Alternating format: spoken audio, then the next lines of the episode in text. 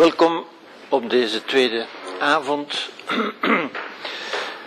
en na de inleiding van vorige week begrijpt u natuurlijk perfect wat dit betekent. Ja?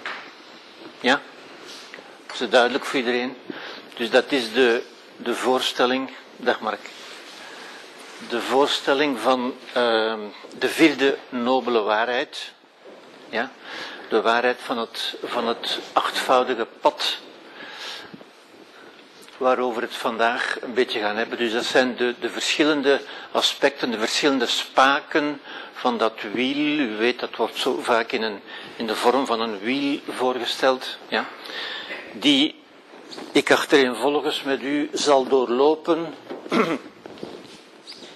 om dan ook een aantal belangrijke aspecten van het, van het boeddhisme, van het boeddhistische denken um, voor te stellen, zou ik zeggen. Ja? Tenzij er nog vragen zijn over vorige keer, eventueel. Nee?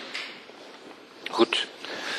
Um, dus ik begin met nummer 1, het, het juiste inzicht of zienswijze. Nu, een zienswijze vormt het kader en de basis voor alles wat wij doen. Ja? Dat is wat wij nu onze filosofie zouden noemen of een theorie. Ja? Eigenlijk is het woordje theorie juist hetzelfde als een zienswijze. Ja? Het komt van het Griekse theorijn dat zien, kijken betekent. Ja, het woord theater komt daar ook van. Ja? Het, het, bekijken, het is een manier van kijken. Ja? Er zijn mensen die zeggen, ik moet niet, niet hebben van theorie, maar dat is eigenlijk onzin. Iedereen heeft een manier van kijken. Ja? U kunt er alleen bewust van zijn of niet bewust van zijn, maar iedereen heeft een manier van kijken. Heeft dus een zienswijze, een theorie, als u wil. Ja? En de praktijk komt natuurlijk uit de theorie. Er is geen geen tegenstelling tussen theorie en praktijk. Dat is ook zo'n hardnekkig misverstand, zo'n hardnekkig cliché. Ik zou zeggen, elke praktijk, dat wil zeggen alles wat u doet en wat u zegt en wat u denkt, wordt gevormd, ontstaat uit een manier van kijken. Een theorie dus, een filosofie met andere woorden. Ja? Dus het is normaal dat men zegt de juiste manier van kijken, natuurlijk. Hè. U weet, u kunt dingen op verschillende manieren bekijken. Ja. En dan ziet u de dingen anders. Ja. Nu, het eerste wat nodig is, is dus de juiste manier, de, het juiste inzicht, de juiste zienswijze. Ja. Dat is het kader en de basis van alles wat wij doen. Hoe wij denken, hoe wij spreken, hoe wij handelen, hoe wij voelen, komt eigenlijk allemaal uit een manier van kijken. Ik kan dat niet genoeg benadrukken eigenlijk. Ja. Dat is dus een theorie, wat wij theorie zouden noemen. En het, het, is belangrijk om dat woordje toch een beetje te, te, te vermenselijken, zou ik bijna zeggen, want mensen vinden dat dan zoiets iets vaags. Dat is eigenlijk heel concreet. Theorie is niet abstract. Theorie is iets heel concreets. Ja.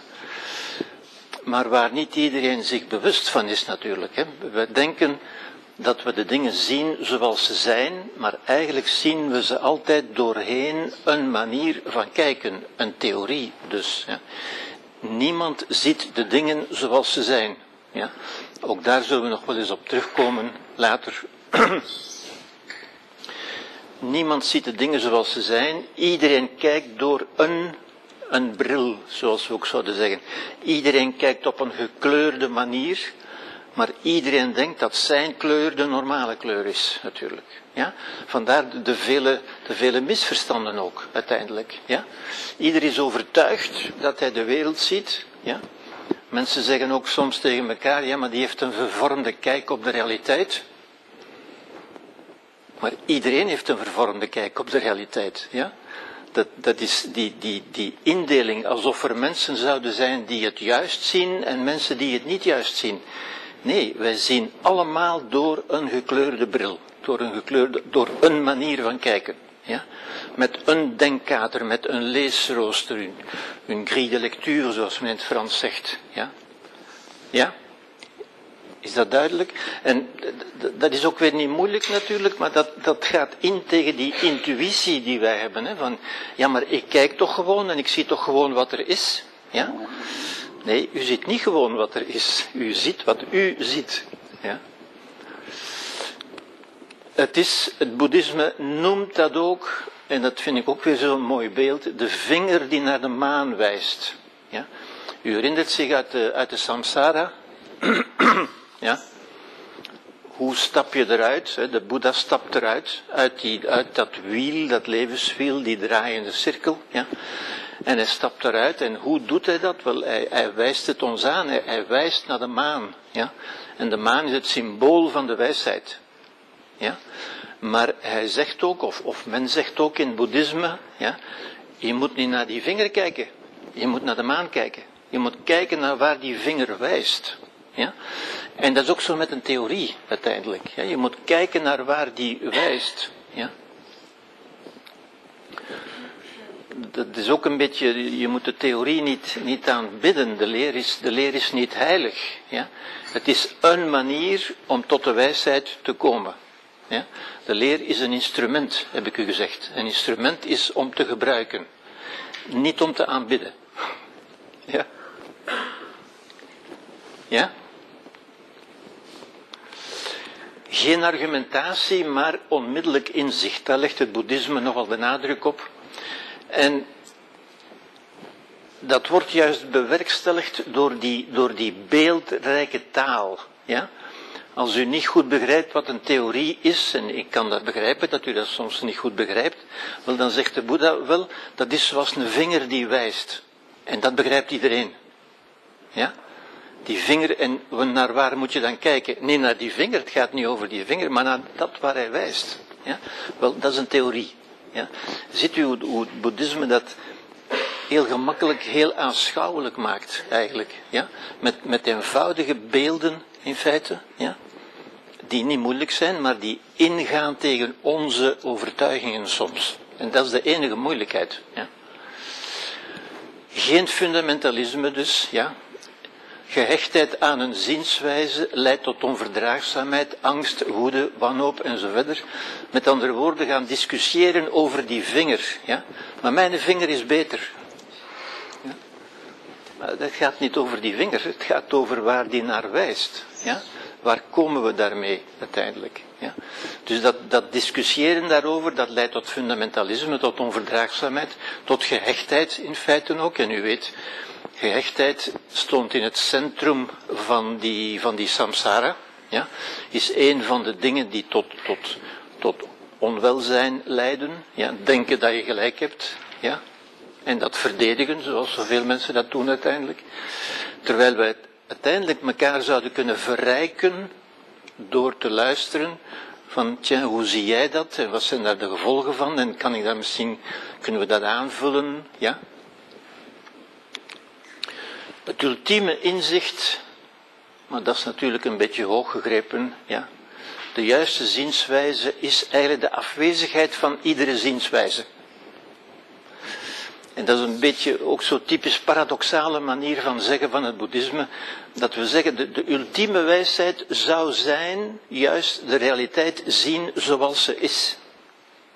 Ja? Wat in feite niemand doet omdat wij allemaal doorheen een gekleurde bril kijken. De ultieme wijsheid zou zijn uw bril afzetten. En de realiteit, de echte realiteit zien. Ja? Maar dat is natuurlijk een, een, een onbereikbaar ideaal, zoals, zoals bij ons Kant ook gezegd heeft. Hè. Kant met zijn ongelooflijke scherpzinnigheid. Hè, heeft gezegd als ding aan zich, het ding zoals het echt is, is onbekend. Het ding op zich zien wij nooit. Wat wij zien is een beeld van het ding. En wij denken iets over dat ding. We hebben onze gedachten over de realiteit. Onze beelden en onze gedachten over de realiteit. Ja? Volgt u? Hoe zeg je? Uh, daar kan ik eigenlijk niet op antwoorden. Dat, dat, dat weet ik eigenlijk niet. Hij wordt natuurlijk de verlichte genaamd. Ja. Hij zou het ideaal bereikt hebben. Ja. Maar dat is dan ook iets waar je niets kunt over zeggen natuurlijk. Hè? Want als je er iets over zegt, zijn het weer woorden over de realiteit. De realiteit zelf is, is onzegbaar. Ja? We gaan daar nog tegenkomen hoor. Um, wat zijn een aantal punten van, die, van, die, uh, van dat juiste inzicht? Een, een, aantal lijnen, een aantal vingers zou ik zeggen. Ja? Wel, het eerste is de, de eenheid. De eenheid die men ook de non-dualiteit noemt. En ook dat is een moeilijk woord natuurlijk. Ja? Uh, dualiteit begrijpen we beter. Ja? Omdat ons spreken een dualiteit creëert. Dualiteit wil zeggen onderscheiden, afscheidingen, afzonderingen. Ja? Dit is dit en dat is dat. Ja? Het klassieke is natuurlijk de dag en de nacht. Ja? Of, of, of de man en de vrouw. Ja? Dat tegenover elkaar, of, of de mens en de dieren, of, of zo, die, die afscheidingen uiteindelijk die wij nodig hebben, die nuttig zijn. Dat is, geen, geen, dat is niet iets negatiefs, maar dat is nuttig voor ons om er te kunnen overdenken. Ja? Het onderscheid tussen goed en kwaad, bijvoorbeeld. Ja? Dat hebben wij nodig om te kunnen gaan denken, we gaan het kwade bestrijden, bijvoorbeeld. Ja? Zoals we zo vaak horen. Daartoe moeten we onderscheid maken tussen goed en kwaad. Ja? Nu, het, het ultieme inzicht zou eigenlijk weer zijn, ja, dat er geen onderscheid is. Ja, alles heeft een soort eenheid. Ja. Maar dat is weer iets wat wij niet zo makkelijk kunnen waarnemen natuurlijk. Hè. Maar wat u, wat u bij uzelf kunt oproepen door bepaalde ideeën. Ja. Als u, als u wij denken bijvoorbeeld makkelijk van, van dat is dat individu en, en ik ben ik. Ja? Maar we zouden ook kunnen denken, hetzelfde leven stroomt door mij en door die persoon en door die persoon. En als u zo gaat denken, dan leidt dat tot een soort beleving van eenheid. Dan voelt u zich verbonden daarmee. Want hetzelfde leven stroomt door u en door mij.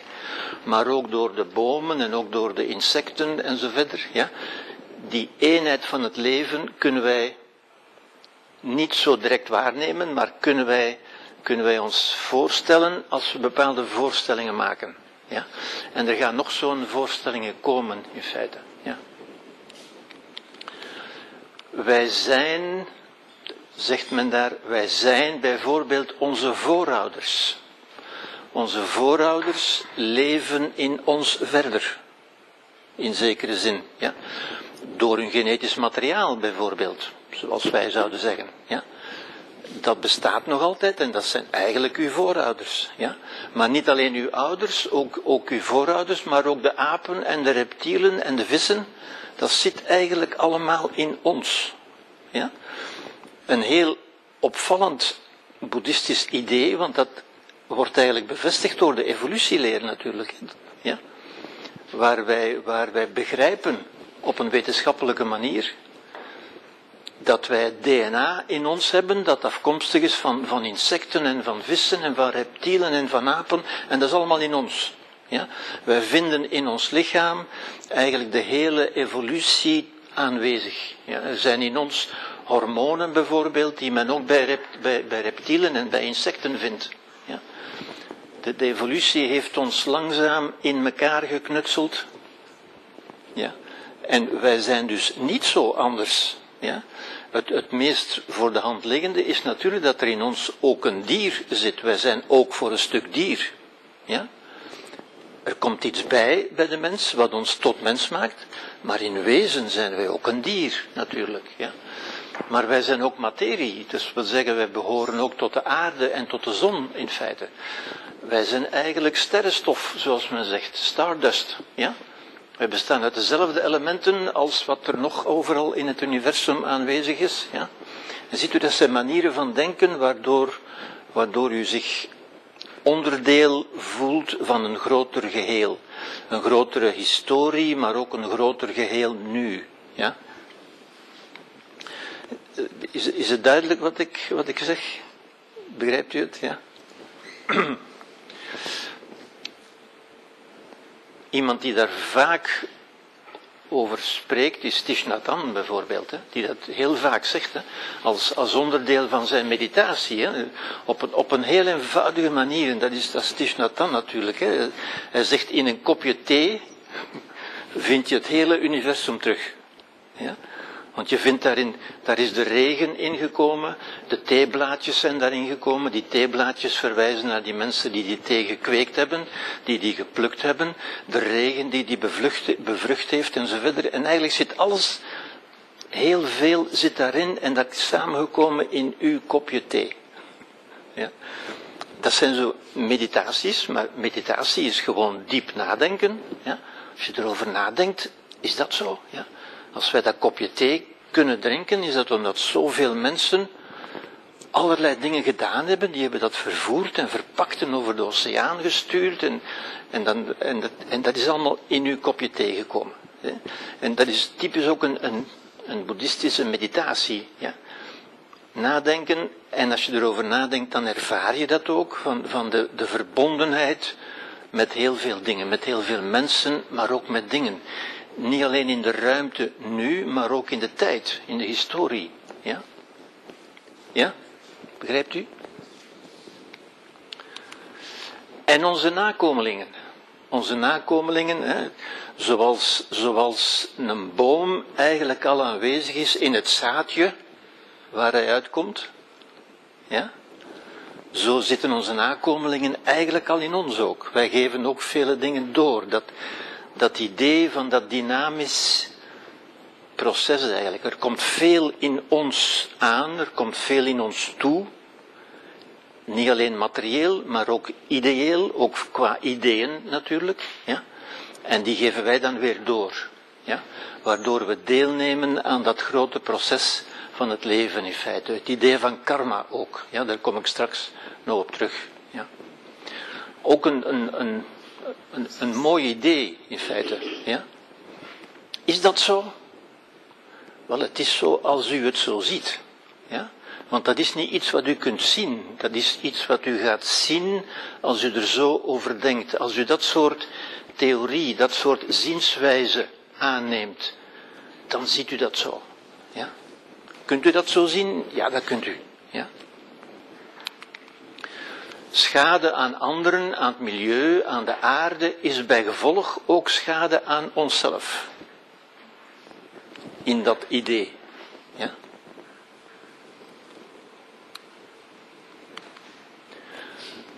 En een tweede, nou ermee verwonden in feite, is de vergankelijkheid. Daar heb ik het ook al over gehad, natuurlijk. Ja?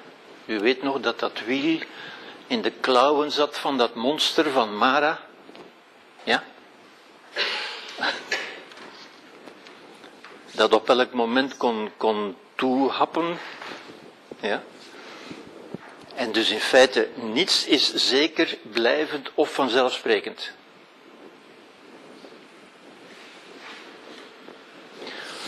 Voor vele mensen toch een, een ongemakkelijk idee natuurlijk, hè? want wij proberen alles te verzekeren, te, te beveiligen, veilig te stellen. En die, die woorden, die mensen, ja. Ik heb misschien vorige week ook al gezegd, uh, je hoort soms de vakbonden zeggen van, van onze leden lijden aan ondraaglijke zekerheid, onzekerheid, ja. De ondraaglijke onzekerheid. Ja, ik heb het vorige week ook gezegd, denk ik, hè? ik weet het niet meer. Maar eigenlijk begrijpt u hoe absurd dat is, natuurlijk. Hè? Ja? Want niets is zeker. Er is gewoonweg niets zeker. Ja?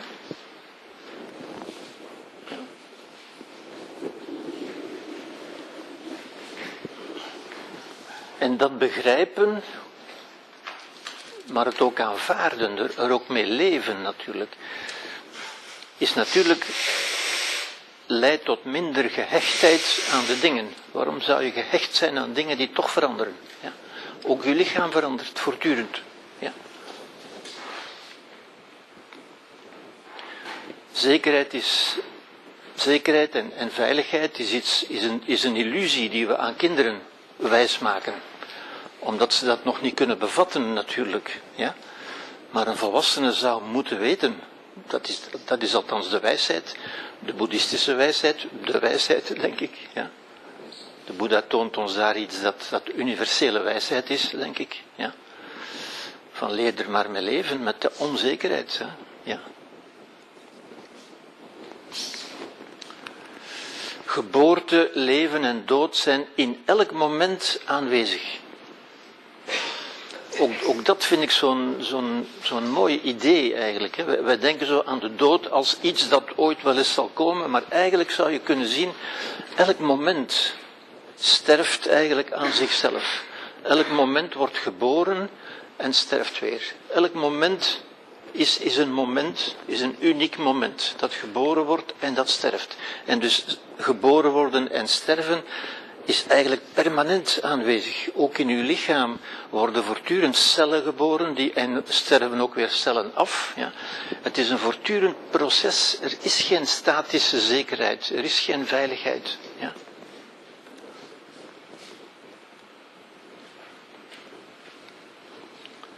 Oké.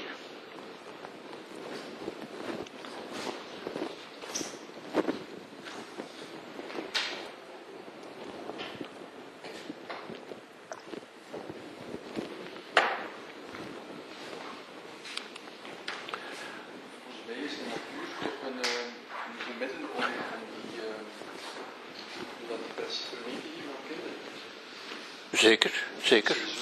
Zeker, ja, absoluut, absoluut. Absoluut. Maar wij maken natuurlijk stevige dingen die, die blijven, hè, die vast zijn. Hè. Met de illusie dat dat blijft. Hè. En dat is van mij, dat mag niemand nog afpakken. Zo allemaal zekerheden die wij, pseudo-zekerheden natuurlijk, hè, maar die wij inbouwen in feite. Hè. Ja.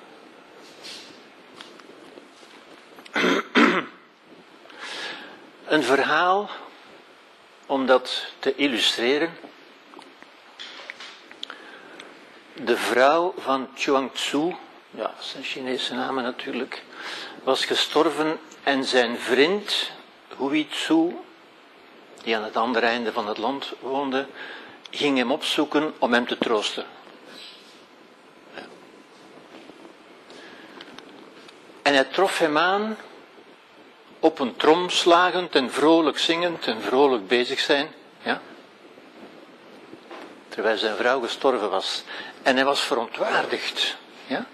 Hij verontwaardigde zich daarover. Hij zei, jullie hebben als man en vrouw geleefd, zij heeft je kinderen geschonken en ze opgevoed.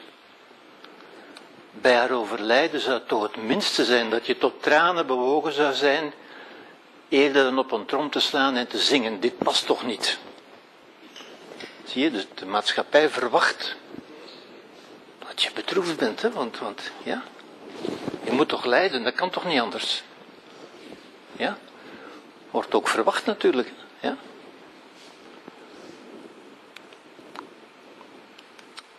En Chuang Tzu sprak, toen zij pas overleden was, heb ik zeker gerouwd zoals iedereen. Maar toen dacht ik terug aan haar geboorte en aan de wortels van haar zijn nog voor ze geboren was. Niet alleen voor ze geboren was, maar aan de tijd nog voor haar lichaam gevormd was. En niet alleen tot voor haar lichaam gevormd was, maar nog voor de oorsprong zelf van haar levensadem. Haar levensadem onderging een transformatie en ze had een lichaam. Haar lichaam onderging een transformatie en ze werd geboren. Nu is er opnieuw een transformatie en is zij dood.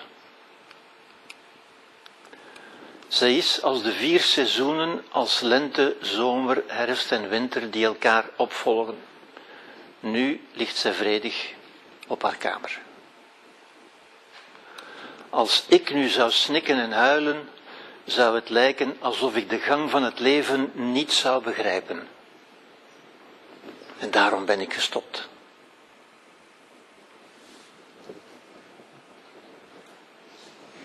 Ja?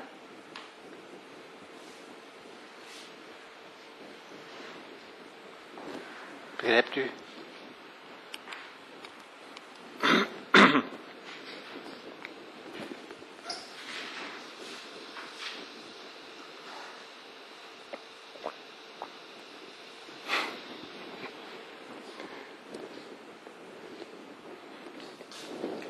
Dat is dus een manier om daarmee om te gaan. En ziet u hoe een andere zienswijze, een andere theorie, een ander kijken naar de dingen tot een andere beleving leidt. Want dan, dan zeg je, ja, dat, dat doe ik niet meer, want dan is het alsof ik het niet zou begrepen hebben. En ik heb het begrepen. De wijsheid, ja. Dat is echt de Boeddha natuurlijk, het Oosten in het algemeen, maar boeddhisme in, in het bijzonder. Hè. Het, is, het is de wijsheid die tot welzijn leidt. En de Boeddha zegt ook ergens, ik weet niet of dat hier nu voorkomt, ja, het staat in, in de samsara eigenlijk, hè. de Boeddha zegt ook, alle lijden komt uit onwetendheid. Ja, dat lijden dat wij zo normaal vinden. En, en, en dat is niet gebonden aan die feiten. Dat komt door uw manier van kijken. Ja. Door het feit dat u denkt dat niks mag veranderen, dat dingen van u zijn en niet mogen verdwijnen. Maar als je dat begrijpt, ja, waarom zou je dan? Ja.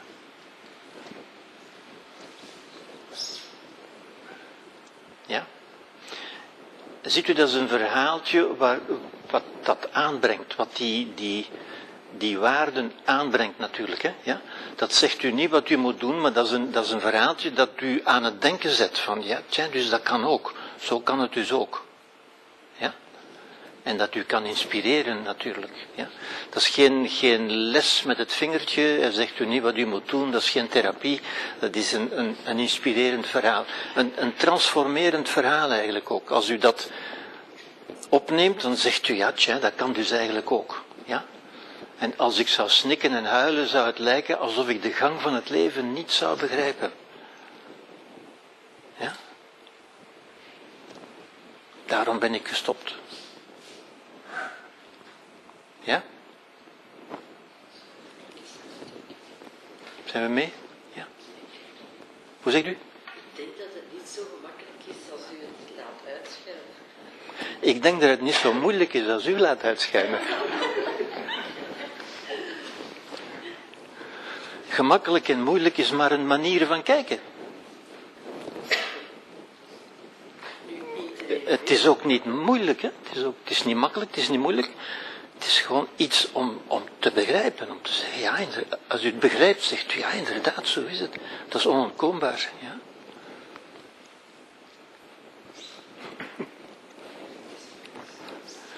Hoe zegt u? Het is een kunst. Het heeft iets van een kunst, dat is waar. Ja, dat is waar. Ja. Oké, nog bedenkingen daarbij?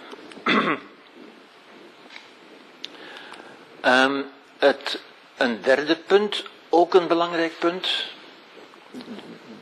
De punten haken ook in elkaar natuurlijk. Hè, is dat idee, dat typisch Oosterse en zeker boeddhistische idee, dat er geen ik of zelf is. Ja. Iedereen heeft dat al wel eens gehoord, de, de illusie van het ik of de illusie van het zelf. Maar in onze ervaring, in onze beleving, is er weinig zekerder dan dat er een ik is. Ja. De meeste mensen ervaren een ik als toch, toch iets heel reëel. Ja. Het boeddhisme zegt eigenlijk is dat, is dat dus een illusie. Ja? Want als je er gaat naar zoeken, dan, dan vindt u dat nergens uiteindelijk. Ja?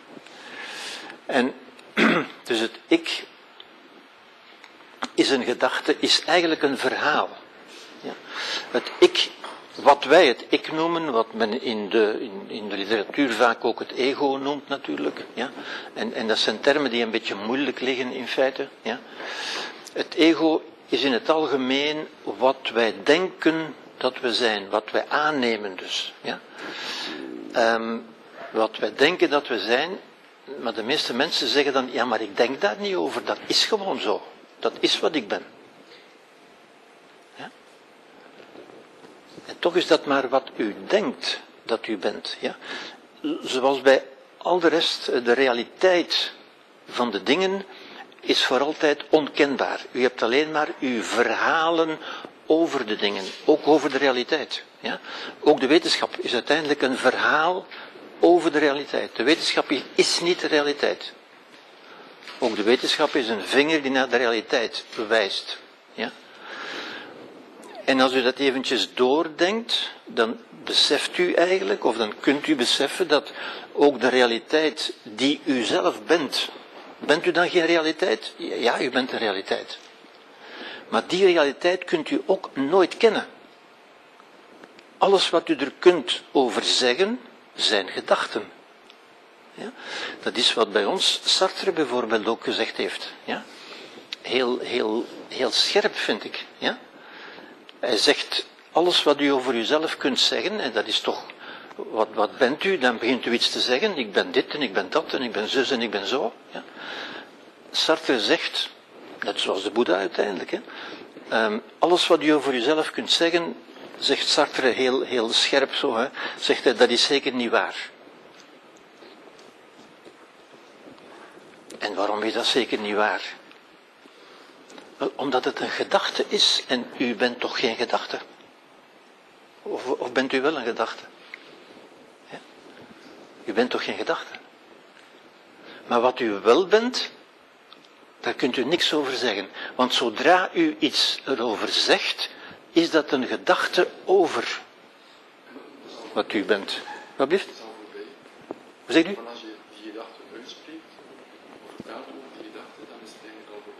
Ja, dat is in de tijd gezien, maar ook in de, in de realiteit, laten we zeggen. Ja?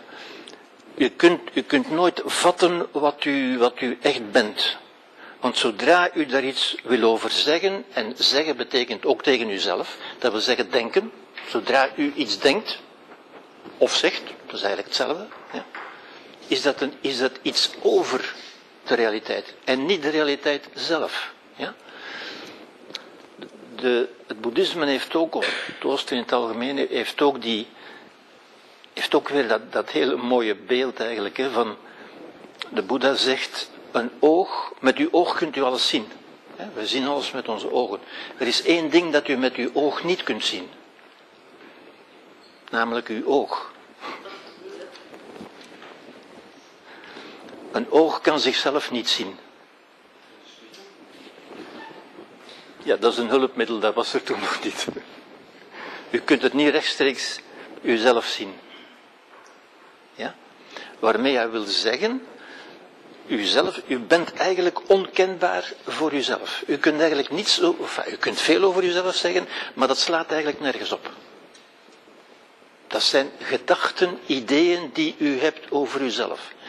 Dat wat u kunt, wat u niet kunt, waar u bang voor bent, waar u tegen kunt en niet tegen kunt en, al dat soort uh, uitspraken die mensen doen over zichzelf. Eigenlijk slaat dat nergens op. Dat zijn gedachten, gewoonten die u hebt om over uzelf te denken, maar dat is niet wat u bent. Want alles wat u zegt of wat u denkt is een gedachte. En u bent toch geen gedachte? Ja? Dus u kunt dat nooit vatten, in feite. Ja? Het is ook het, het idee of het beeld ook van de, van, van, een, van de horizon. Kunt u de horizon zien? Is dat de realiteit? Ja, u kunt hem zien. Maar kunt u er naartoe gaan? Als u er naartoe gaat, u, u, kunt, dat, u kunt dat beginnen doen natuurlijk, hè, ja? maar dan zegt, tja, tja ik, ik raak er nooit, want hij, hij, gaat altijd verder. Wel, zo is dat met de gedachte aan uzelf eigenlijk ook. Ja? U kunt over uzelf dingen blijven zeggen, en, en dingen over de dingen die u zegt en daar nog verder, maar u komt er nooit, u komt er nooit bij. Dat is eigenlijk voor de hele realiteit zo. Ja? wat, wat Kant ook heel scherp heeft gezien natuurlijk. Hè? Ja? De realiteit op zich, ook de realiteit die u zelf bent, is onkenbaar. Ja? De, de, Boeddha heeft daar een ander beeld voor ook, dat, dat ook door, door, door Derrida bijvoorbeeld is overgenomen. Ja? Hij, hij zegt ook, hij zegt de woorden en de woorden en de gedachten dus. De woorden en de gedachten, onze taal, zeg maar, ons denken, zeg maar, staat tussen ons als een sluier. Als een sluier tussen ons. Ja, waar we nooit helemaal doorheen kijken. Ja. Vandaar begrijpt u ook wat, er, wat een beetje daarvoor stond. Het ultieme inzicht is geen inzicht. is geen sluier. Maar zodra wij iets denken of, of gaan zeggen, zijn we in onze taal, in onze beelden en zijn we niet meer met de realiteit bezig, maar met onze gedachten over de realiteit. Ja? Begrijpt u dat? Druk ik mij duidelijk uit? Hoe zegt u? Bij je naast de sleur staan. Naast? Naast de sleur. Nee, nee, nee, nee. Nee. Nee. We kijken altijd. Ja. Vandaar het idee, want de, de ultieme wijsheid is in feite van niets te zeggen. Want zodra u iets zegt, is dat een gedachte. Dat is niet verkeerd, hè? Is, we kunnen niet zonder denken, hè? We kunnen niet zonder gedachten, hè? Laten we duidelijk zijn, hè? Ja? Nee, nee, nee, nee, nee, dat is waar. Dat ben ik ook niet aan het zeggen, hè? Ja? We moeten er duidelijk in zijn. Onze woorden zijn ook instrumenten. Hè? Zoals de leer een instrument is. Maar we moeten zien dat dat ook maar een instrument is, een vinger. Het gaat niet over die vinger, het gaat over waar die naar wijst. Ja? Tuurlijk, voor ons concrete leven kunnen we niet anders, en is het goed, kunnen we niet anders dan onderscheiden maken, duaal denken dus, dualistisch gaan denken, of op andere manieren gaan denken, maar we hebben een manier van denken nodig om te kunnen leven. Ja? Dat is ook niet verkeerd.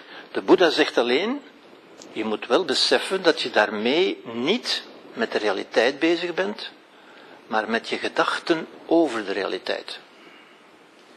Moet je dan ook zeggen, een deel van de realiteit? Nee, het is niet, niet alleen een deel, het is een bepaalde visie op de realiteit. Zoals een bepaalde bril. Je kunt niet zonder bril kijken. We kijken altijd met een bril. Ja?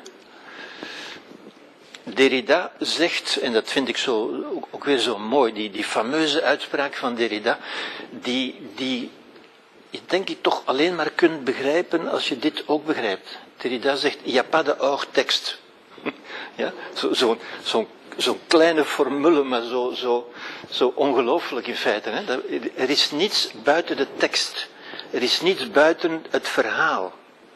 We hebben alleen maar verhalen over verhalen over verhalen, maar we komen nooit bij de horizon, in feite. Ik ben nu natuurlijk ook een verhaal aan het vertellen. Hè? Ja? Duidelijk, ja? Ja, Frans?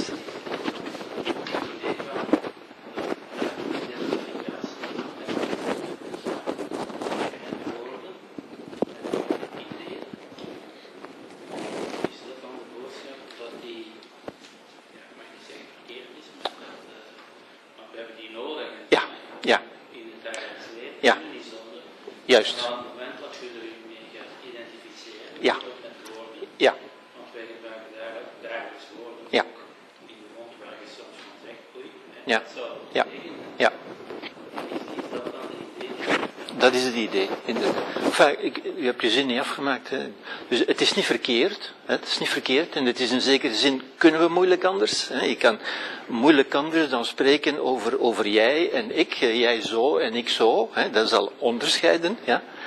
En dat hebben we nodig om te kunnen spreken, om te kunnen leven gewoon. Maar tegelijk moeten we beseffen, we moeten dat niet, maar de wijsheid is van te beseffen, daarmee zeg ik eigenlijk niets over u en ook niet over mij. Ik zeg alleen iets over dingen over, in feite. Ja? Zoals we ook, ook niet met de wetenschap, zeggen we interessante dingen, die heel boeiend zijn, maar eigenlijk de, de realiteit, de werkelijkheid, kennen we eigenlijk niet. Het mysterie van het leven bijvoorbeeld ook. Wat maakt dat het leven wil leven, bijvoorbeeld. Ja? Ja? Zijn we mee? Er is een denken zonder denker, met andere woorden. Ja, dat, is zo'n typische, dat is ook zo'n typische uitspraak in het boeddhisme. Dat is ook een boek van, van, van Mark Epstein. Gedachten zonder denker. Hè. Zoals, zoals, zegt de Boeddha. En dat is ook weer, dat zit zo vol mooie beelden eigenlijk. Hè. Hij, hij zegt, er kan regen zijn zonder een regenmaker. Dat is toch prachtig eigenlijk, hè? Ja? Terwijl wij natuurlijk altijd denken van, er is iets, dus er moet een oorzaak zijn, iemand moet dat gedaan hebben, vandaar het idee van religies natuurlijk. Ja? Het boeddhisme zegt, er is regen zonder regenmaker. Wie heeft de regen gemaakt? Niemand. Die, die, die ontstaat op een bepaald moment. Niemand heeft die gemaakt. En toch is er die. Ja? Maar in ons lineaire denken zeggen we, regen, dat, dat moet toch iemand gemaakt hebben, dat kan toch niet anders? En als we daar niemand vinden, zeggen we, ah, dat zal God zijn. Ja? Terwijl het boeddhisme meer, meer open staat voor de, voor die enchantment eigenlijk, hè, voor de s'émerveiller in feite, de verwondering over, over wat er is, en dat niet zo poogt lineair vast te leggen. Het boeddhisme heeft geen God, zoals ik u gezegd heb. Ja. Dus er zijn gedachten zonder denker. Ja. Gedachten ontstaan ook in ons. Ja. Zoals regen. En dat kunnen we niet, zeker niet altijd. Wa- waarom denk ik zo? Die, die vraag wordt mij zoveel gesteld. Waarom denk ik zo? Ja, omdat die gedachte in u ontstaan is. Ja. Je kunt er geen antwoord op geven. Ja, regen ontstaat zonder regenaar. Er is geen regenaar. Ja. Wat je dan bent, wat je bent, dit komt nu van, van Sartre eigenlijk, maar dat is precies hetzelfde. Wat je bent is wat er rest, wat er overblijft, als je alles weglaat wat je niet bent. En dat vind ik een schitterende benadering eigenlijk, hè? want je kunt, je kunt niet positief zeggen wat je bent of wat iemand anders is, of wat de mens is, ja? maar je kunt wel zeggen wat hij niet is. Dat is veel gemakkelijker. Ja? Een soort negatieve benadering. En wat bent u niet, bijvoorbeeld? Ja? Wel, u bent bijvoorbeeld niet uw lichaam. U hebt natuurlijk, er- is een lichaam bij u, u hebt daar een relatie mee, maar u bent dat toch niet, of toch niet helemaal. Ja? U bent toch iets anders dan uw lichaam. Ja? U, u bent ook niet uw verleden. Uw verleden, dat is gebeurd, eh, ja, maar dat bent u toch niet helemaal. U bent ook niet eh, uw verhalen, u bent ook niet uw emoties, u bent ook niet uw gedachten. Ja? Wat bent u dan wel? Wel, dat wat er overblijft, als u dat allemaal wegdenkt. Wat blijft er dan over? Ja? Wel, Heidegger zou zeggen, het zuivere zijn. U bent. Eigenlijk zou u alleen maar moeten zeggen, ik ben. Punt. Al wat u erachter, daaraan toevoegt, zijn gedachten die u erbij denkt, die u zichzelf toeschrijft, toedicht. Ik ben zo en ik ben zo en ik ben zo. Hè, maar eigenlijk het enige wat overblijft is, ik ben. U bent. U bent er. Ja? En dan kunt u invullen wat u wil eigenlijk. Ja? ja? Begrijpt u het? Ja?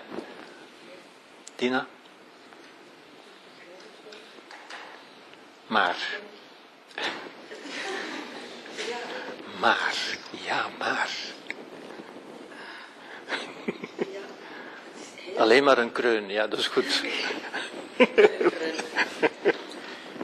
het is natuurlijk dan contra-intuïtief, want de hele dag juridisch ja, maar dat weet ik, dat weet ik, dat weet ik. Ja, ja, inderdaad. Maar dit moet Ja. ons helpen, dit denken moet ons helpen om een manier van te ontwikkelen. Ja, ja, ja, ja. Om dat ook te relativeren, hè, dat heel juridische gedoe, dat, dat, dat, dat hebben we nodig om ons, eh, om ons leven te organiseren. Maar dat is eigenlijk wat ik vaak het sociale spel noem. Hè. Dat, dat, dat is een spel. Ja? Met regels, zodat iedereen zou kunnen spelen. Ja? Maar dat gaat niet over wie u bent. Dit gaat natuurlijk, dit is een andere doelstelling. Hè. Juridische systemen hebben tot doel orde te creëren in de samenleving, hè, dat ordelijk mogelijk te maken. Maar dit heeft een heel ander doel natuurlijk, hè, van, van over uzelf na te denken op een, op een diepere manier, op een meditatieve manier zou ik zeggen. Ja. Oké. Ehm, het existentialisme zegt dat ook, Sartre, ik heb, ik heb de naam al een paar keer laten vallen. Ja. Ehm, en ook dat is contra-intuïtief natuurlijk, hè, want wij denken vaak, we denken bijna allemaal, we denken bijna intuïtief, dat er, dat ik in ons, dat dat zo'n soort, ja, hoe denken we dan, ook in beelden natuurlijk, hè, dat dat zo'n soort harde kern is in ons, diep, noemen we dat. Ja? Maar iets dat, dat in ons is toch. Ja? Iets dat, dat vast is, dat, dat, dat authentiek is ook, zeggen de mensen soms. Ja, alhoewel dat niet veel betekent natuurlijk. Sartre zegt gewoon weg, er is niet zoiets. Er is geen essentie. Er is wat wij doorgaans een essentie noemen. Er is, toch de, er is toch de essentie van wat ik echt ben. Als ik nu echt ben wie ik ben. Ja? Ja, maar dan bent u nog altijd wie u denkt dat u bent. Ja? U, komt er nooit uit, eigenlijk. Ja? Gewoon filosofisch gedacht komt u er nooit uit. Ja? Het, is, het is echt als de horizon. U kunt er op verschillende manieren naartoe gaan, maar u komt er nooit bij. U komt er niet onderuit. Ja? En Sartre zegt gewoon die, die kern in ons, en ook dat is een intuïtief beeld, hè, zoals u, zoals u in, een, in een kers een, een pit hebt, of in een avocado hebt u een pit, ja, denken we, ja, in ons zit toch ook zoiets. Ja. Sartre zegt gewoon weg, en de Boeddha zegt dat ook, dat is er niet. Ja. Sartre zegt, existentie komt voor essentie. Door uw manier van leven creëert u gewoonten, manieren van zeggen, manieren van denken, en daarvan gaat u denken dat u dat bent.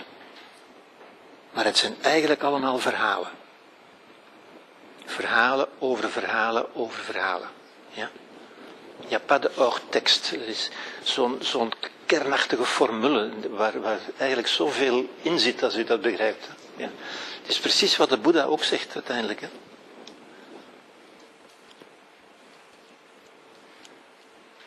Ja, is dat, is dat, is dat duidelijk? Is dat te, te pruimen? Is, is dat dan een punt waar het boeddhisme zich onderscheidt van het hindoeïsme? Oh ja, Waar, waar Ja. men denkt dat men Ja. Ja. Ja. ja, ja, ja, juist. Atman, ja, ja. De Boeddha is geen Atman. No Atman, ja, ja, inderdaad, ja. En in die zin sluit Sartre perfect aan bij, bij het boeddhisme eigenlijk. Ja? Sartre die ook die, die, die, ja, ik vind het zo- zo'n mooie zin om te zeggen ook. Hè. Alles wat je kunt denken of zeggen over jezelf is zeker niet waar. en dan kun je alleen maar, zoals bij de Boeddha, kun je alleen maar glimlachen. Hè.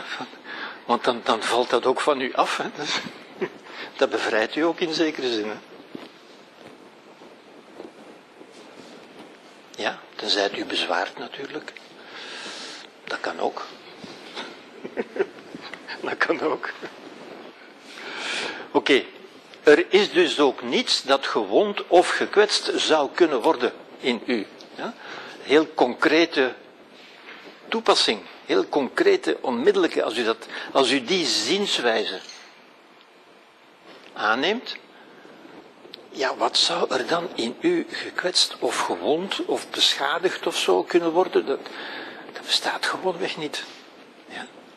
Er zijn geen wonden en geen kwetsuren en geen littekens en geen. Ja? Dat hele sociale jargon, die sociale clichés, die bestaan gewoonweg niet. Ja? Niemand heeft je ooit gezien, trouwens, hè, maar ook dat is een verhaal. Maar een verhaal dat in onze, in onze streek voortdurend opnieuw verteld wordt en geloofd wordt, ook door professionelen. Ja? Sommigen noemen dat ook wetenschappelijk zelfs. Ja? Dat heeft niks met wetenschap te maken natuurlijk. Ja? Dus trauma's bestaan niet. Er bestaan gebeurtenissen die u of iemand anders een trauma kunt noemen. Trauma's bestaan niet, dat, kunt u niet zeggen. Hè? Dat, dat is hetzelfde als bestaat rechtvaardigheid. Ziet u, dat, dat heeft geen objectief bestaan. hè. Bestaat dit? Ja, dat bestaat, want ik kan het u geven en u kunt het voelen. Ja? Als ik nu zeg, eh, als ik, nu zeg ik, heb, ik, ik, voel, eh, ik voel veel liefde. Bestaat liefde? Bestaat dat? Dat bestaat, ook dat is een verhaal, iets wat we nodig hebben, ja, wat wij gebruiken om onze ervaringen en ons leven te beschrijven en zo verder, ja, en met elkaar te kunnen spreken en zo verder. Maar dat bestaat toch maar voor wie erin gelooft. Hè? Misschien vindt u het makkelijker als ik zeg, bestaat een huwelijk. Bestaat dat?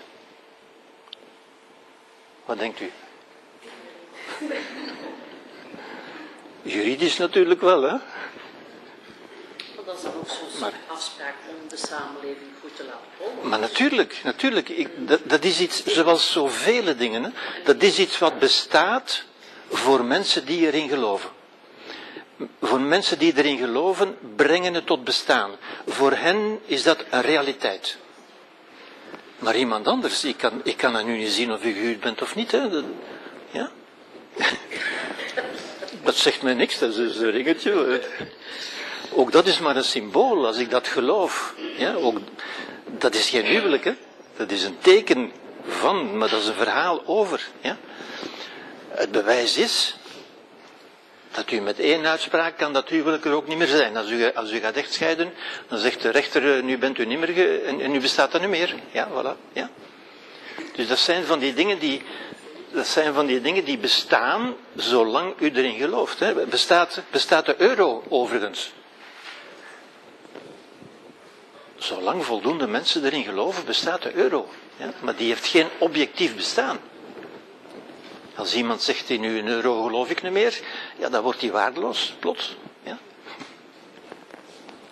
Ja? Dus ook dat zijn instrumenten die wij gebruiken om ons leven te organiseren. Ja? Ehm, ja. Er is dus ook niets wat gewond of gekwetst zou kunnen worden. Gewoon omdat er niks is dat gewond of gekwetst kan worden. Ja? En dat wat er eventueel zou zijn, daar kan niemand aan. Hoe zou iemand dat kunnen kwetsen? Ja? Het, wordt totaal absurd als u er gaat over denken eigenlijk. Ja? Maar, we horen het natuurlijk elke dag eh, op, de, op de nieuwsmedia en zo verder. En, en we gaan dat geloven. Ja? En gevoelens bijvoorbeeld, dat bestaat dan ook. Toch wel. Waarom zou dat niet bestaan? Wie zegt dat dat niet bestaat? Waarom, hoe komt u erbij dat dat niet zou bestaan? Ik denk gevoelens zijn, zijn een realiteit. Hè? U, nee, nee, nee, nee, nee, nee. Nee, nee, dat bestaat zoals uw lichaam bestaat. Hè? Ja? U kunt uw lichaam waarnemen. Dus dat is als een realiteit. Hè? Niemand zegt dat dat niet bestaat. Ik zeg alleen dat we de, de, de, wat het echt is, kunnen we nooit begrijpen. We kunnen er alleen dingen over zeggen. En dat geldt voor onze emoties natuurlijk ook. Ja? Maar ze bestaan wel degelijk, zoals, u, zoals uw lichaam bestaat. Ja? Niet vatbaar. Ik kan niet zien of het. ah ja, Juist, niet, niet vatbaar, dat is juist, maar vatbaar voor u. Voor u is het een realiteit. U voelt wat u voelt. Ja? Wat u voelt is een realiteit. Maar dan gaat u daar ook dingen over zeggen. Wat ik voel, dat, dat is dat. En dat ligt aan dat. En dat komt daardoor. En dat is het verhaal dat u vertelt over wat u voelt. Zodra u het begint te zeggen, bent u in een verhaal. Stapt u in een verhaal eigenlijk. Ja? Uw lichaam bestaat ook natuurlijk, hè? Ja? Maar wat is juist uw lichaam? Dat weet u ook nooit. Ja? Zijn dat uw voeten, of, of is dat uw hoofd, of, of uw huid, of, uw, of uw spieren, of waar is dat lichaam? Je kunt het ook niet lokaliseren, hè? Goed, ja, we moeten een beetje opschieten natuurlijk. Ehm, zijn, zijn we mee zover? Ja, het is kristalhelder.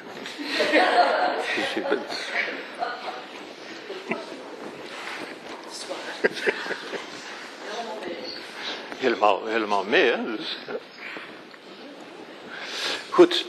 Ehm, het ik, kijk, het, het boeddhisme heeft daar ook een verhaal over natuurlijk, hè? En, en zegt, het ik is als een golf op de oceaan van het zijn. Ook dat is maar een beeld natuurlijk, hè? maar een beeld dat u weer iets doet begrijpen in feite. Ja? Golven denken dat zij afgescheiden zijn. Er is die golf en er is die golf en er, is ik. Ja? Maar zij worden door hetzelfde water doorstroomd. Hetzelfde water stroomt door al die golven. Ja? Die golf is eigenlijk alleen maar een vorm op de substantie van de oceaan. Ja? Het water stroomt door al die golven. En geen enkele golf kan zeggen dat water is nu van mij. Nee, want er stroomt voortdurend water in en water ook weer uit. Ja? Dat is de fameuze golf van, van Hokusai. U kent die natuurlijk. Ja? Dat ik zo'n prachtige, prachtige grafiek vind, in feite. Ja? Zij bestaan uit dezelfde materie in een andere vorm. Al, al die golven worden doorstroomd door hetzelfde water. Ja? Ze zijn een vorm die wordt gegeven aan de oceaan, de grote oceaan, de oceaan van het leven, de oceaan van het zijn, zouden we kunnen zeggen. Ja? Het zijn verdichtingen die ontstaan en, en ook weer verdwijnen. Ze komen uit de oceaan en ze verdwijnen ook weer uit de oceaan. Meditatie is het bewustzijn van de oceaan. De transcendentie, wat men zegt, transcendentie wil zeggen wat verder gaat dan uzelf. Dit zijn wij, wij zijn zo'n golf. En wij denken, ik ben toch iemand anders dan die andere golven daar, daar heb ik toch niks mee te maken. Maar in feite stroomt hetzelfde water, de oceaan van het zijn, stroomt door ons, in feite. En als je zo'n beeld zo'n theorie, dat is ook een theorie natuurlijk. Hè? Ook dat is een verhaal. Ja? Dus ook dat is een, is een vinger. Maar als u dat verhaal aanneemt, dan, dan, voelt u, dan denkt u, dan begrijpt u en dan voelt u ook. Als u dat begrijpt, dan voelt u ook. Ja, ik ben verbonden met, met die mensen. Ja? Ik kan me ook verbonden voelen met een boom. Als je beseft dat leven dat in die boom zit, dat zit eigenlijk ook in mij. Dat is eigenlijk hetzelfde dan voelt u zich verbonden. Omdat u een verbindend verhaal creëert, in feite. Het is niet van, ik ben verbonden of ik ben niet verbonden. Nee, ook verbinding is zoiets wat bestaat als u het tot bestaan brengt. Zoals een huwelijk. Een huwelijk bestaat als u het eraan begint, als u het aangaat. Ja? Dan brengt u het tot bestaan. Dus bestaat dat? Ja en nee. Hè? Het bestaat op die manier, het bestaat niet zoals een materieel ding. Daar is geen, geen discussie over. Ja? Over die abstracte mentale objecten, mentale realiteiten, maar die realiteiten zijn, die bestaan alleen voor u of voor een paar mensen met wie u dat tot bestaan brengt, eventueel. Ja? Als een golf verdwijnt, heeft ze haar impuls of energie door aan een volgende golf. En zo gaat het leven verder, uiteindelijk. Ja? Dat is dat, dat mooie idee ook van, van David Hume, waar ik nu aan denk. En die zei, als ik dood zal gaan, dan zullen de elementen waaruit dit organisme bestaat, mijn lichaam, gewoon teruggaan naar het grote geheel en ze gaan daar even nuttig zijn als toen ze in dit lichaam waren. Ziet u, als u dat begrijpt, ja, dan kijkt u toch weer heel anders tegen de dingen aan in feite. Hè? Ja? Jean d'Ormesson, die, die eind vorig jaar overleden is, in, in een van zijn prachtige boekjes schrijft, het is duidelijk waarom we sterven. We sterven omdat we geleefd hebben. De enige vraag is, waarom zijn we geboren? Dat is niet zo duidelijk. Dat we sterven, dat is duidelijk. Maar waarom zijn we geboren? Ja. ja, maar dat is geen verklaring natuurlijk. Ja. Oké. Ja, David Hume staat daar, ja. Oké. Is dat duidelijk? Ik, ik, illustreer eigenlijk meteen ook hoe het boeddhisme zijn concepten meedeelt en onderwijst in feite. Hè, door het vertellen van verhalen die u een soort plots inzicht geven. Ja, dat is geen, geen, geen filosofische argumentatie, maar een verhaal, een zienswijze. Die, ziens, die zienswijze zit in dat verhaal. Als u het verhaal volgt, dan neemt u bijna automatisch die zienswijze over. Dan zegt u, hé ja. Ja? Ja? Goed, het juiste denken, dat is punt 2. Het juiste denken op basis van de juiste zienswijze natuurlijk. Non-dualiteit heb ik, nu, heb ik nu gezegd. Ja? Gedachten van verbondenheid, begrip, mededogen, verzoening, vergeving, sereniteit, vrede. Dat soort gedachten kunnen wij denken. Ja? Van al die dingen kunt u zich afvragen, bestaat dat wel? Ja, want dat zijn mentale objecten. Ja? Maar u kunt zo denken. Ja? Als u zo denkt, dan brengt dat de ervaring van welzijn. Andere gedachten, gedachten van afwijzing, van afscheiding, van verzet, van haat, van wrok, van woede of van wanhoop, die we natuurlijk veel meer horen, veroorzaken onwelzijn in ons en in de wereld. In onszelf en in de, en in de omwereld. Wij creëren daarmee golven van welzijn of golven van onwelzijn naar anderen toe, maar ook, naar onszelf toe natuurlijk.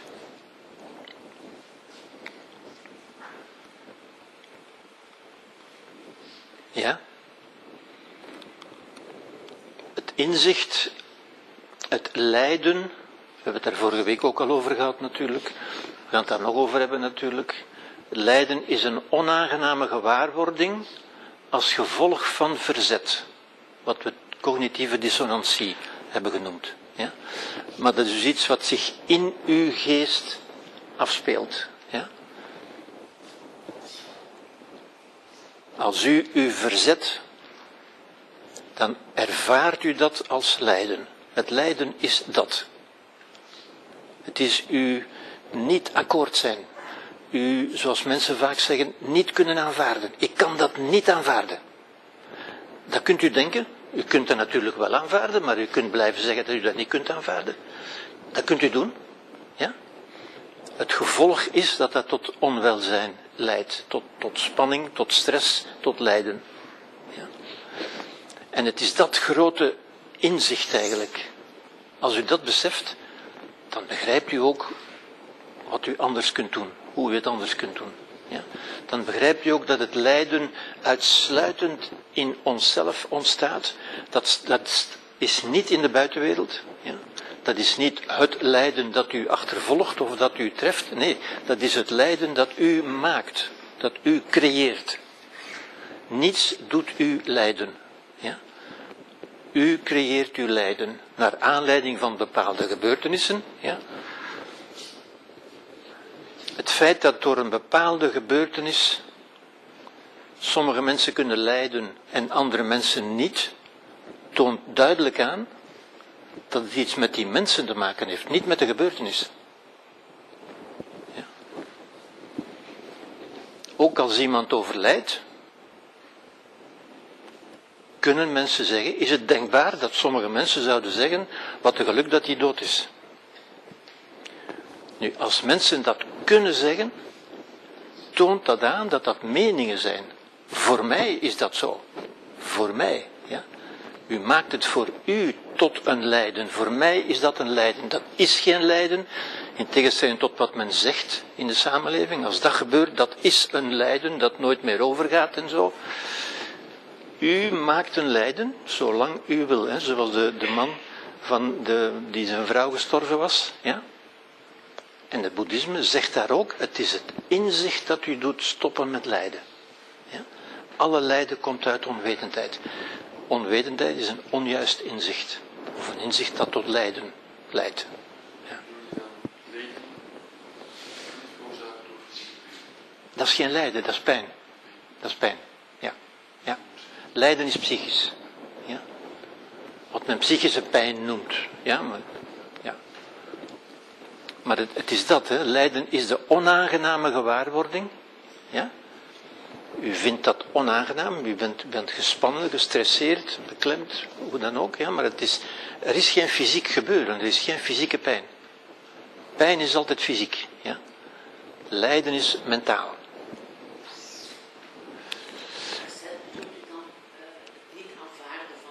Ja, ja, ja, helemaal. Dat bedoel ik helemaal. Ja? Het, het verzet, Verzet is het niet aanvaarden, en dat horen we zoveel zeggen, van ik kan dat niet aanvaarden. U, u, mag dat zeggen, u mag dat denken, u mag denken wat u wil, maar dat is het lijden. Dat is Dat is geen gevolg van het lijden, dat is het lijden. Dat denken.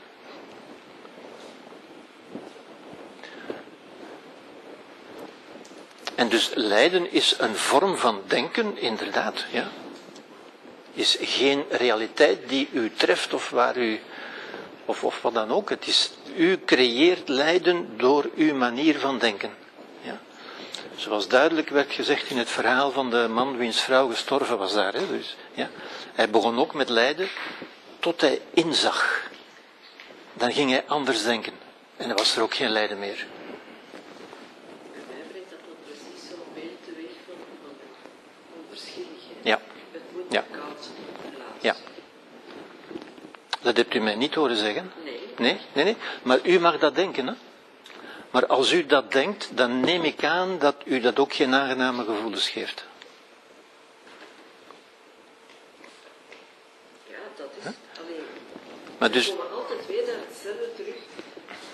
Die gevoelens die ons, ons aan, onaangenaam doen voelen. Zo. ja, maar die gevoelens komen door het verhaal dat u vertelt. Als u dat onverschilligheid gaat noemen, onverschilligheid is een woord dat negatieve gevoelens met zich brengt. U zou het ook wijsheid kunnen noemen. Het is in wezen wijsheid. Het is een inzicht, het is een theorie. Het gaat niet over de waarheid of niet de waarheid. Het is een manier van kijken. En dat staat, dat staat in dat verhaal zo duidelijk. Hè? Door het veranderen van uw manier van kijken, verandert uw ervaring. Eindigt het lijden. Het is dan precies dat je moet voorkomen dat het u raakt. Ja, maar die precies doet niet ter zake hoor. Dat, is wat u erbij denkt. Hoe zegt u? Dat onderscheidt mensen Ja, dat, je dat, dat wij dat doen. ja. Dus als je dan zegt dat relativeren tot nul. Dat woord heb ik niet gebruikt. Dat heb ik zeker niet gezegd. Dat is, dat is weer uw verhaal. Dat is weer uw verhaal. Relativeren tot, relativeren tot nul, dat heb ik zeker niet gezegd. Ja, maar, maar ziet u, dat is juist wat het ziet u, wat u wat, hoe u gevangen zit in, in die clichés? Hè? Relativeren, dat woord heb ik niet gebruikt. Tot, tot nul zeker niet. Hè? Maar, ja, maar nee, u mag zeggen wat u wil, hè? daar gaat het niet over. Hè? Ik wil alleen uw aandacht vestigen, en dat doet de Boeddha ook natuurlijk. Hè? Dat, dat is een inzicht, dat is uw inzicht. Als u zo denkt, dan hebt u de gevoelens die horen bij dat denken. Die horen niet bij de feiten, die horen bij het denken over de feiten.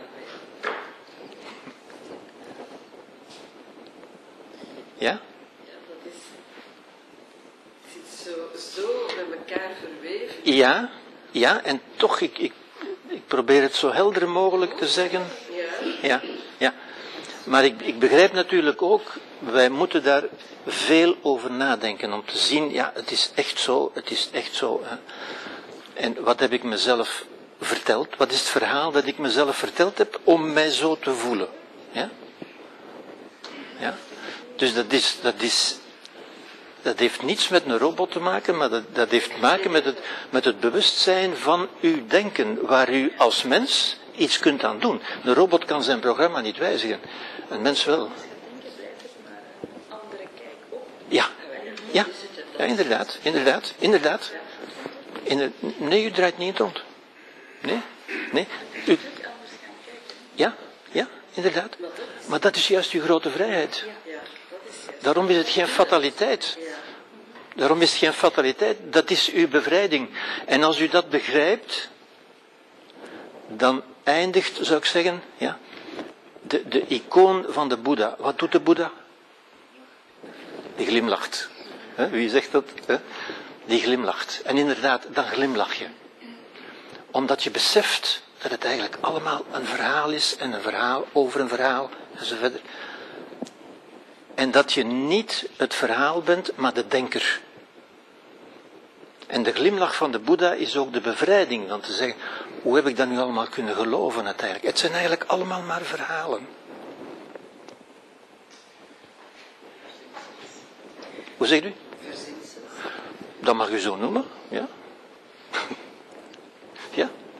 Gedachten met andere woorden, ja juist dat wat ons onderscheidt van een robot, ja, maakt dat wij, dat wij onszelf ongelukkig kunnen maken, maar onszelf ook gelukkig kunnen maken. Ja. Van? Nee, nee.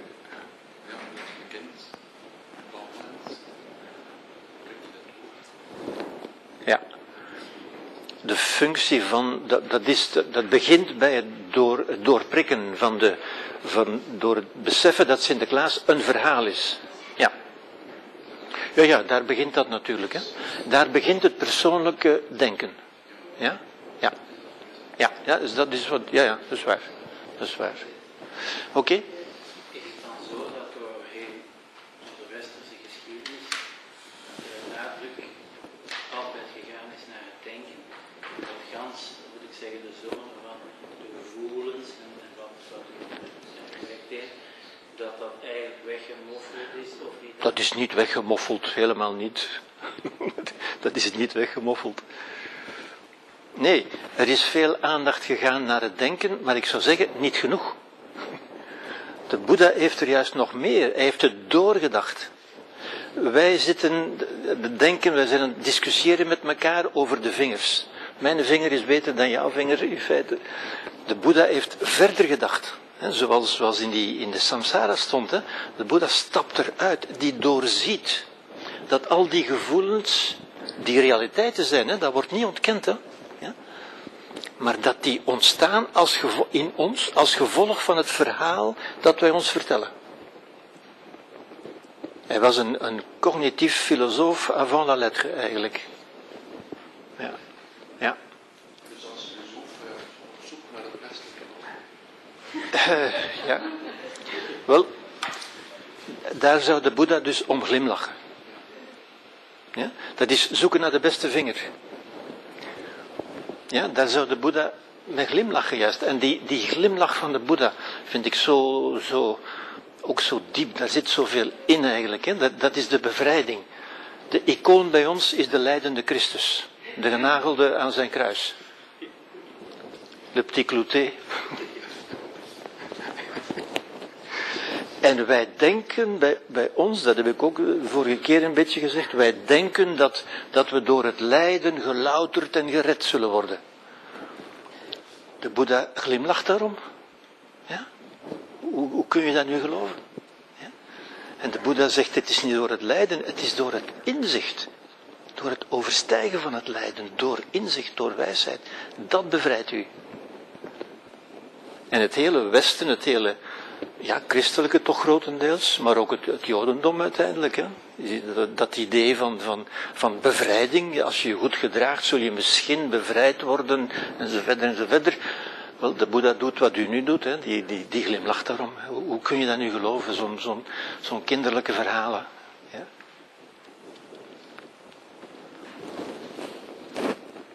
ja, zijn we, zijn we mee? Maar ik vond het eigenlijk een beetje een, een boeddha-test.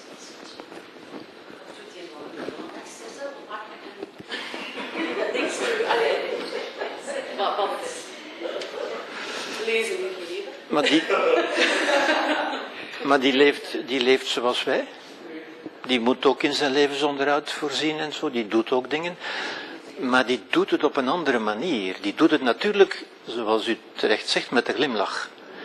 Die beseft dat hij deelneemt aan het sociale proces, omdat hij wil leven en overleven. Ja? Maar die ziet het als een sociaal spel. Ja? Niet als wat ik ben. Ja? Dat is de, het grote verschil natuurlijk. Hè? Ja? ja? Ehm, ja, dat kunnen we doen. Dat kunnen we doen. Wacht, ik ga nog eventjes, denk dat hier nog iets komt. Ja, ja. U, u, u begrijpt natuurlijk, als u, als u beseft wat het lijden is, dan kunt u zich ook, dat heb ik er nu aan toegevoegd, wegens de huidige discussie natuurlijk, ja, kan dat ondraaglijk zijn. U begrijpt dat ik daar grote vraagtekens bij zet natuurlijk. Hè. Wanneer zou lijden ondraaglijk kunnen zijn? Ja. Negatieve gedachten, wat zijn dat? Ja. Ja. Hoe zegt u? Ah, wel ja, maar als u, als u begrijpt dat die gedachten komen uit een bepaalde manier van kijken, dan krijgt u toch die, kunt u toch onmiddellijk zeggen, ja, maar ik kan ook anders kijken. Ja? Zijn er mislukkingen? Bestaat dat? Is, bestaat falen? Al die mensen met faalangst, bestaat dat eigenlijk falen? Dat zijn alleen maar ervaringen. Dat zijn verrassingen. Ja? Maar falen, wat is dat voor iets? Ja? En ziet u, dat is alleen maar door het verhaal dat wij vertellen. Ik denk, ik geloof, als we aan kinderen de woorden falen en mislukking niet zouden leren, dan zou er veel minder faalangst zijn. Ja? Als je kinderen zou leren, er zijn alleen maar ervaringen in het leven. Ervaringen waar je informatie uit krijgt, waar je groter kunt van worden.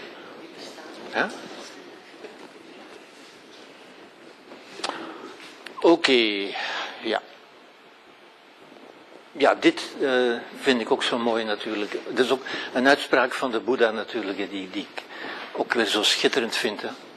De Boeddha neemt zo'n eenvoudige voorbeelden. Hè, die, hij zegt, als je in een kop water een handvol zout strooit, dan wordt dat water zo zout dat niemand het nog kan drinken. Ja? Logisch, hè? Maar als je in de zee dezelfde hoeveelheid zout strooit, dan, blijft het, dan wordt het water er niet door beïnvloed. Ja? Dat kunnen we makkelijk volgen. Hè? Dus zegt hij, het is heel simpel. Het is heel simpel. Ja? De Boeddha is altijd heel simpel. Ja? Zorg dat uw gemoed zo groot is als de zee. Ja? Ja? Ja? Wij, jammer, mijn zieltje heeft wonden en kwetsuren en zo verder en dat kan daar niet in. Wat blieft? Wat een onzin. Ja.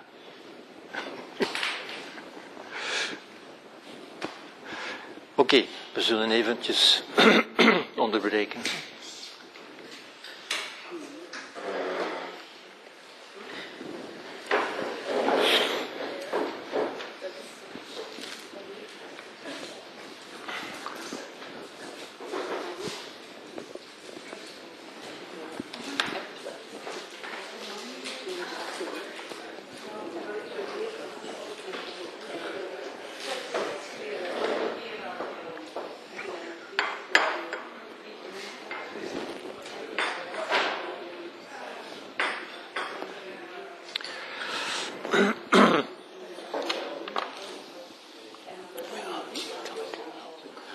Ook dan misschien doorheen die boeddhisme, mindfulness.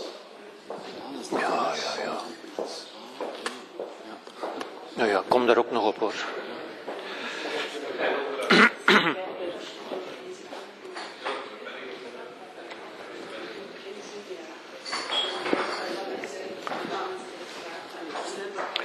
Wie ben je nu weer? Wendy. zijn toch wel echt mensen of kinderen die heel Ja, maar- veel meemaken. Allee, Ja, dat- tuurlijk, tuurlijk, Ja. tuurlijk, tuurlijk. Heb Maar je een klein leven gelezen? een klein leven van wie? Oh, kan, dat is zo'n hele moeilijke naam. Een klein leven, dat Ja. zegt me niet zo direct iets. Jawel, van Hanja. Deze, dat is wel over. Dat is van een- Nee, nee, die heb ik Ja, niet gelezen. dat is echt zo... Ja, Tja, tja. Ja? Is dat de moeite? ja ik lees dit Maar-. Ik vond dat heel erg. Dat was echt wel... Echt heel erg. Ja, maar ik hoor je natuurlijk over kinderen spreken. Ja. Dit gaat niet over kinderen. Hè? Dit is voor volwassenen. Ja? Ja, maar kun je dat zoiets zeggen? Iemand die bij u komt, een therapie bijvoorbeeld, kun je daar zoiets zeggen? Nee. Ah, ah, Nee. dat bedoel ik. Het Nee. zo... Nee. Daarom geef ik lezingen natuurlijk. Hè? Ja. Omdat je dat in therapie niet zo kunt zeggen. Ja. Ik, ik, ik heb dat wel in mijn hoofd natuurlijk, hè? maar je kunt dat niet zo zeggen. Natuurlijk niet. Nee, dat, dat begrijp ik ook natuurlijk. Ja, ja, ja. ja, ja. Dat gaat vooral voor kinderen over de dood en zo. Mensen zijn niet klaar om dat te horen natuurlijk. Nee, nee. Hoe zegt u? Ik kan niet leren zijn. Juist, ja, inderdaad, inderdaad. Ja, ja, dat ja. Ja, Maar dat zou moeten, dat zou moeten in onze cultuur zitten, in, in het bad waarin we groot worden gewoon. Hè. Dus je, je kunt dat niet eventjes aan boord nemen als je het nodig hebt zo, en, en dan kijken wat dat voor mij gaat doen. Eh, Nee, zo gaat het niet. Het is interessant gezegd ook heel kinderen. kinderen kan je misschien moeilijk, oké, behalve als het in die cultuur zit enzovoort. Ja, maar dan nog, dan nog, kinderen kunnen zo niet denken natuurlijk. Hè? Maar het is de, de verantwoordelijkheid en de taak van volwassenen, van kinderen te begeleiden bij de dingen die in het leven gebeuren. Ja. Dus je hebt uh, wat mensen die, uh, die, die uh, geestelijke handicap hebben. ja, maar dat is iets anders. Maar dat is iets verlengen. Wat je dan bestond. Ik wil zeker niet denigrerend zijn, maar het is inzicht gelinkt ook aan, inzicht is ook gelinkt aan denkvermogen. Want je kan het alleen maar denken over je maar je denken. Je moet niet Einstein zijn om dit te kunnen denken. Hè. Dat zijn heel eenvoudige begrippen eigenlijk. Ja. Maar het gaat maar natuurlijk maakt niet. dan dat je het inzicht krijgt? Dat, daar Ja. moet je een soort intelligentie voor hebben. Allee, Nee, denk ik. nee. Het enige probleem is dat het ingaat tegen onze clichés en tegen onze intuïties. Mensen, mensen zeggen, inziet en die mens niet. dat, dat weet ik niet. Dat weet ik niet. Vele mensen zullen dat zien. Ja, situaties. Ik heb dat ook niet van jongs af aan aangeleerd. Nee, nee, maar zo kinderen, Ja. als je Maar vele mensen zullen zeggen, dat kan niet. Dat kan niet. Mensen vragen mij soms, ja maar als er nu iets echt erg gebeurt, kan dat dan ook nog? Zie je, die hebben het niet begrepen. Hè? Nee, nee, nee. Maar ik vind bij kinderen en kindermisbruik en Dat is waar, dat is waar, dat is waar. Maar ik zeg toch niet dat dat niet kan, of dat dat niet, of dat dat niet erg zou zijn. Nee, Maar dan is het juist aan de volwassenen ja. om zo'n kind te begeleiden naar volwassenheid toe.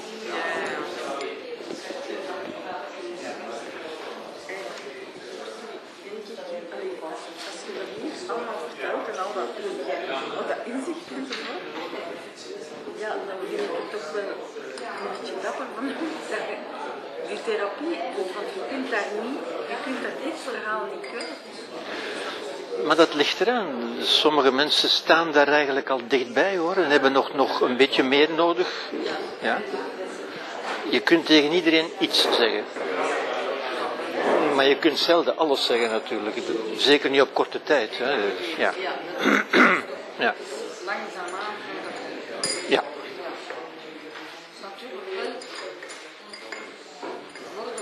Maar mensen verzetten zich daartegen. Hè. Die zeggen, ja nee, mijn lijden dat is echt en dat kan niet anders. Ja. Ja.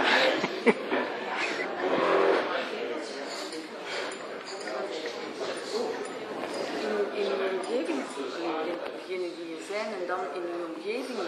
Je kunt, het wat je kunt doen is eigenlijk het zelf zo beleven en, en laten zien.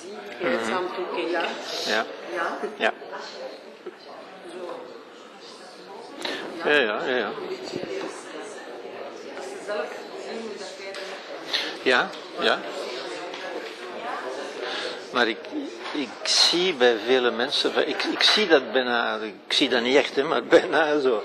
Ik hoor vooral ook natuurlijk, hè. ik hoor welke verhalen ze vertellen en hoe ze hun lijden creëren. Hè, dus, dat is logisch, er zit een logica in. De mensen zijn niet gek, hè.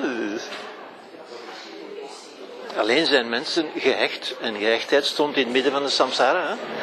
Mensen zijn gehecht aan hun verhaal. Nee, ik weet dat dat zo is. Nee, nee, nee. Voor mij is dat toch zo. Ik zit zo niet in elkaar. Die clichés. Ja, Is dat dan een nest waar je openheid, een openheid dat je moet creëren, Ja, ideaal gezien wel. niet door Ja, ja, maar mensen zijn overtuigd, en wij allemaal hoor. En het vergt een beetje filosofisch inzicht, hè, wat een kind niet kan hebben natuurlijk. Hè. Wij zijn overtuigd dat wij zien wat er te zien is. Van alleen meneer, ik heb toch wel gezien, ik was er toch bij. Ja, ja.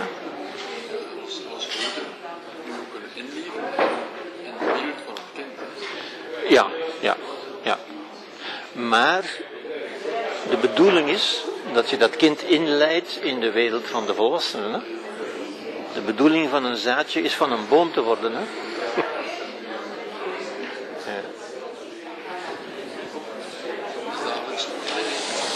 Ja. Ja.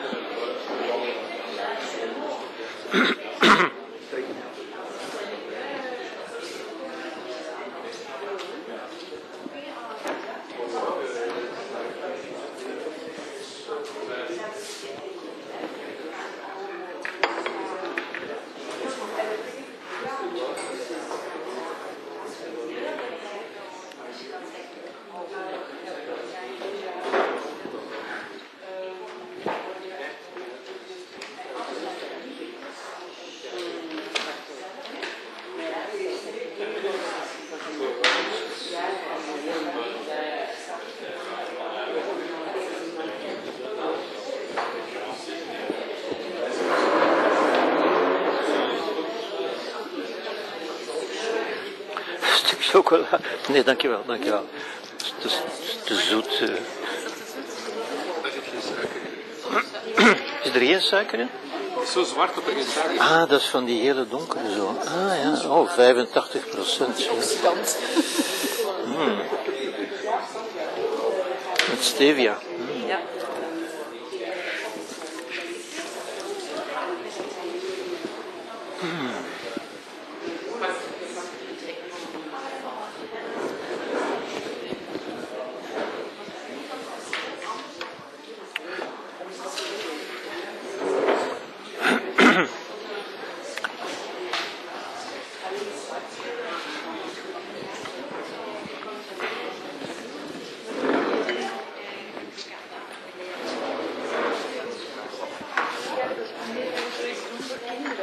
Maar dat is volledig.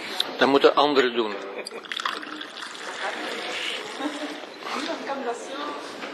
Anderen doen dat anders. Maar ik kan dat zo niet doen voor kinderen. Hè. Dit, nee, nee. Dus dan moet je een andere taal gaan spreken. En dat ik, ik ben dat niet gewoon, zou ik zeggen. Dat kun je leren, ja. Ik kan leren viool spelen ook. Hè.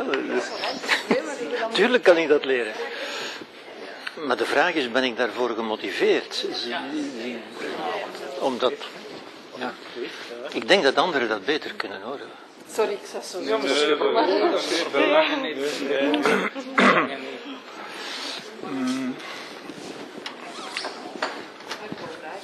Eh, zitten er in, in eh, gelijk eh, NLP, zitten daar basissen in van, eh, ik ben geen NLP-specialist, maar ik heb wel wat coachingopleidingen gevolgd en zo, en ik herken ook heel veel vanuit de coachingstheorie. Ja, hè. ja. Van, ja, onze gedachten Tuurlijk, tuurlijk, tuurlijk. Ja, ja, ja, ja, ja, ja, zeker, ja. zeker, zeker. Ja, ja, ja.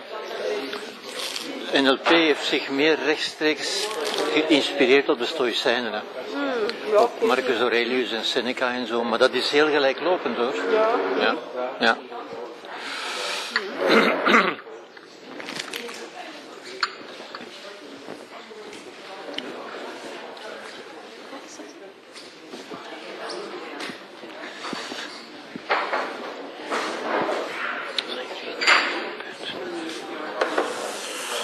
Mhm.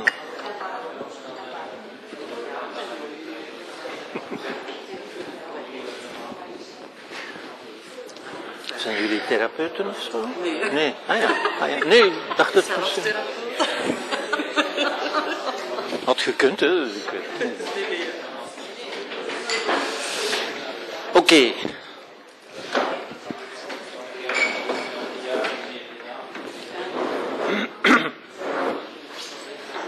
we, kunnen we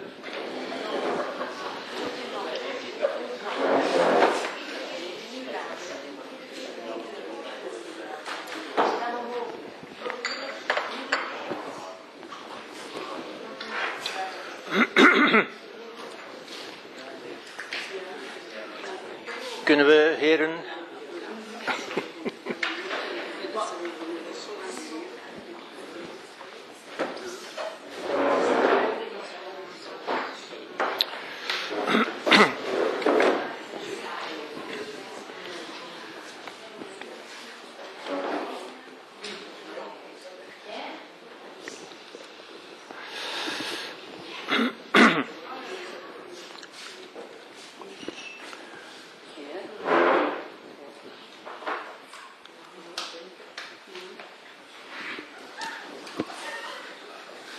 Dit is een gedicht. Dit mens zijn is een soort herberg. Elke ochtend weer een nieuw bezoek. Een vreugde, een depressie, een narigheid, een flits van inzicht komen als onverwachte gasten. Verwelkom ze, ontvang ze allemaal gastvrij. Zelfs als er een menigte verdriet binnenstormt, die met geweld je hele huisraad vernielt, behandel elke gast met eerbied. Misschien komt hij de boel ontruimen om plaats te maken voor vreugde. De donkere gedachte, de schaamte, het venijn ontmoet ze bij de voordeur met een brede glimlach en vraagt ze om erbij te komen zitten. Weet je van wie het is? Niemand die het weet? Wees blij met iedereen die langskomt, want de hemel heeft ze stuk voor stuk gestuurd om jou als raadgever te zijn. Wat? Ja, tuurlijk, ja. Dit is van Rumi. Een Perzische dichter uit de 13e eeuw. Waarmee ik maar wil zeggen, dat zijn dezelfde gedachten uiteindelijk. Hè? Dezelfde gedachtenwereld als 13e eeuw. De eeuw van, van Thomas van Aquino bij ons bijvoorbeeld, van de kerkvaders bij ons, eh, van de scholastiek. Ja.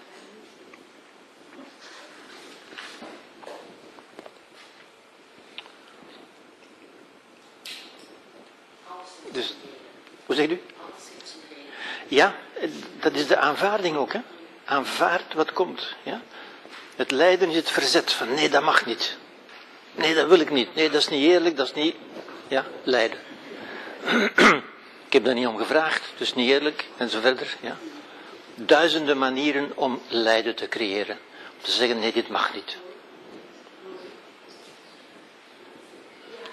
Als je wordt als de zee, hè, kun je alles ontvangen. Of zoals de herberg van Rumi.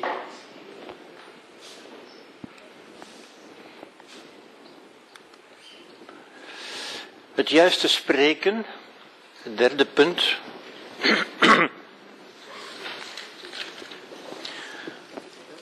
Het gaat natuurlijk verder op dezelfde, op dezelfde gedachtegang. Ja?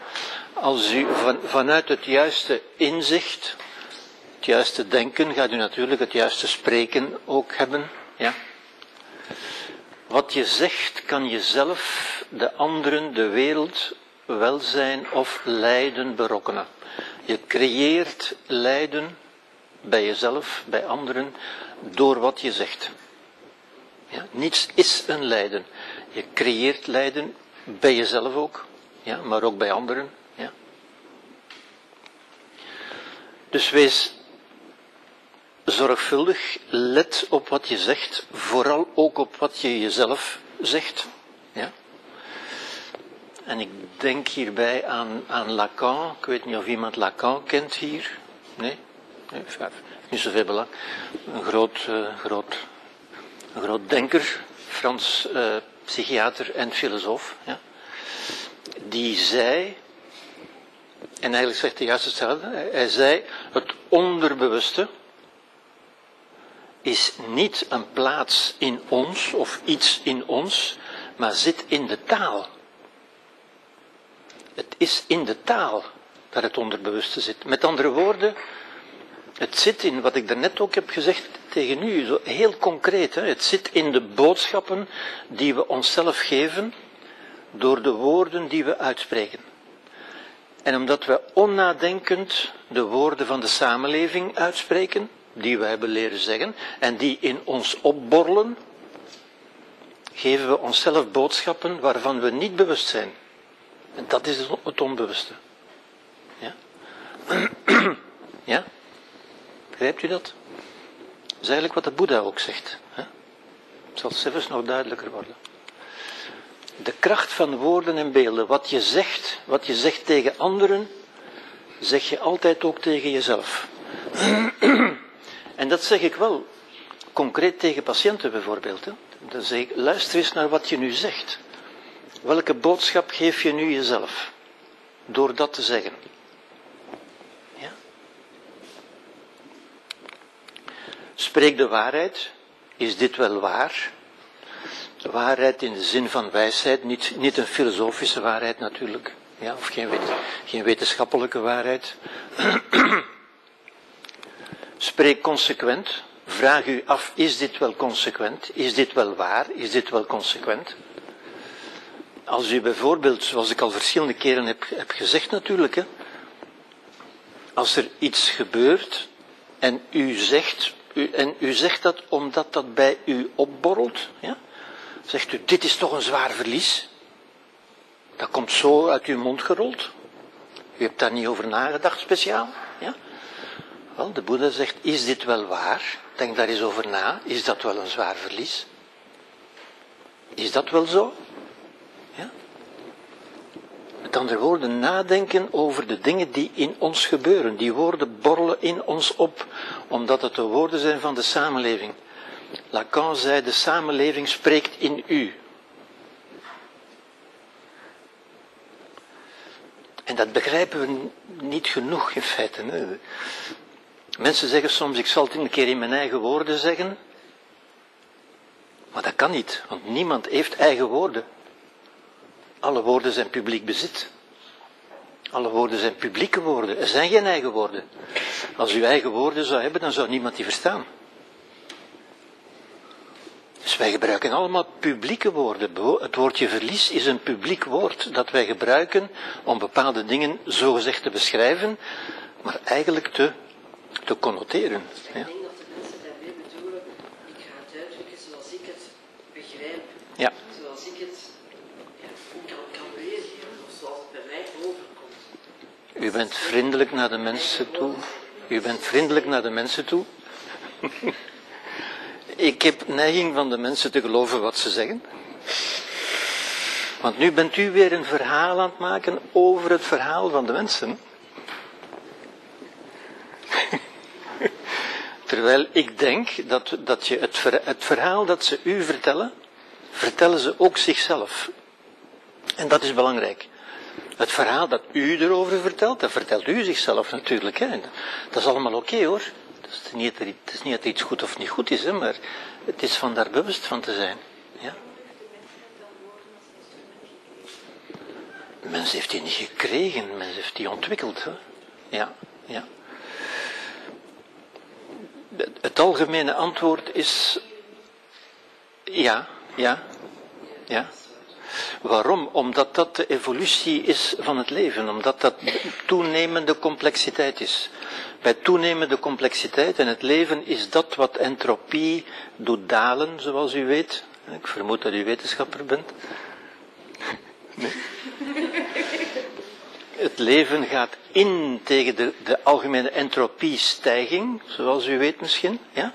Het leven is het enige wat entropie, wat negatieve entropie creëert. Dat is nu een beetje ingewikkeld gezegd, ja, u begrijpt mij. Hè? Ja. ja. Dat heeft nu verder niet, dat gaat ons te ver leiden. Ja. Maar uh, op die waarom hebben we geen vraag, hebben we geen antwoord. Het is eigenlijk, het is ook, u kunt ook vragen, hoe komt dat, dat, dat het leven zich, zich seksueel vermenigvuldigt? Maar waarom is dat nodig? Omdat de evolutie, omdat het op een punt in de evolutie nuttig is gebleken. Omdat het denken, het, het, het beleven van beelden in ons hoofd, in de evolutie nuttig is gebleken. En woorden zijn nuttig omdat ze beelden oproepen.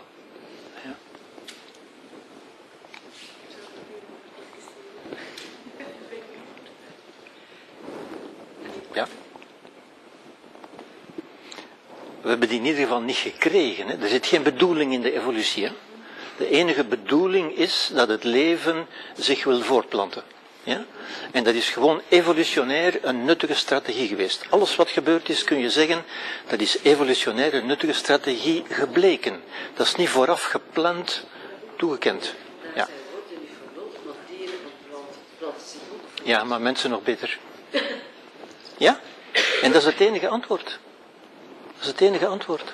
Ja? Omdat de mens het nog beter doet dan de dieren. Ja? Dat wil zeggen, meer mogelijkheden heeft. Nee? Maar goed, oké, dit gaat ons te ver. Dit gaat ons te ver uh, afleiden. Het is een interessant punt hoor, maar dat is een heel ander punt dan wat we nu aan het doen zijn hier. Ja.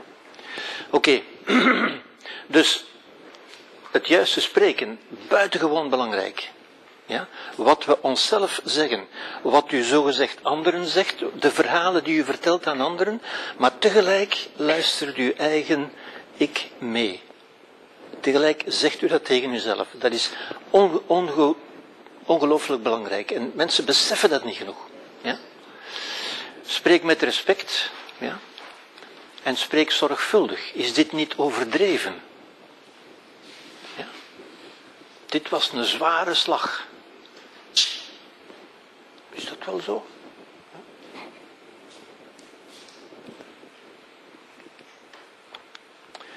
Bijvoorbeeld iemand die overleden is, is niet verloren. Ja? Ja, ik gebruik altijd hetzelfde voorbeeld, omdat het ook zo sprekend is natuurlijk. Hè? En als u nu, als u nu beseft van oké, ik ga dat niet meer zeggen, want dat is overdreven. Dat is om te beginnen niet waar, het is overdreven ook. Ja? Het is niet respectvol naar de overledene toe. Je kunt een mens niet verliezen. Je kunt je, je pen verliezen of je uurwerk, maar een mens kun je toch niet verliezen. Ja? Soms als ik boosaardig wil zijn, dan zeg ik, je weet niet meer waar je me gelegd hebt misschien. Dat zeg ik niet hoor. Maar u begrijpt dat het, dat, dat eigenlijk ridicuul is van te zeggen, ik ben een mens verloren. Dat is ridicuul eigenlijk. Ja? Een mens heeft zijn leven beëindigd, ja? Of is op een andere manier aanwezig.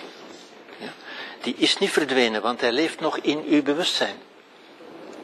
Die is alleen op een andere manier aanwezig. En dat is veel respectvoller naar de overledene toe. Ja, want als u zegt, ik ben die verloren, om te beginnen trekt u de aandacht op uzelf. Ik, ik, ik. Ja? En dat is het lijden. Lijden is altijd de aandacht op uzelf trekken. Ja? Als u zegt, die is op een andere manier aanwezig, dan is uw aandacht bij de andere. Ja? Dat is veel meer liefdevol, veel meer respectvol. Zoals de oceaan aanwezig is in de wolken, in de regen en in een theekopje. Ja? Die mens is gewoon niet weg. Die, iemand die u gekend hebt, die kunt u nooit verliezen.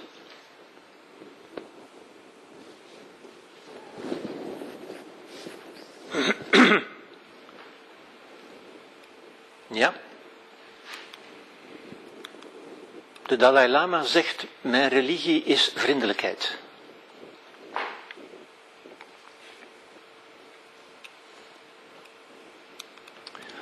Wie vriendelijk is naar anderen, zaait ook vriendelijkheid in de eigen geest.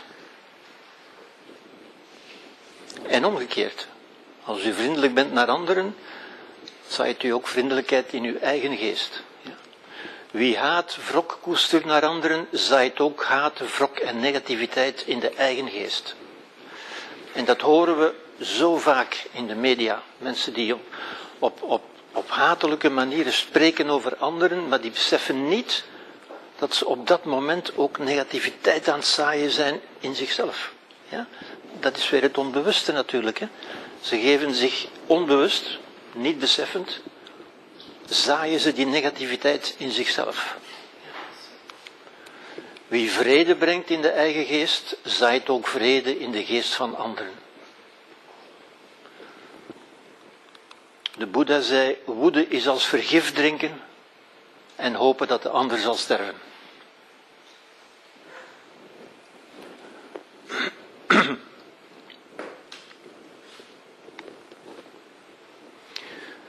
Is dat idee van de ander bestraffen ook. Hè? Hij mag zo niet wegkomen. Ik moet er kwaad op zijn. Tegelijk zaait je negativiteit bij jezelf.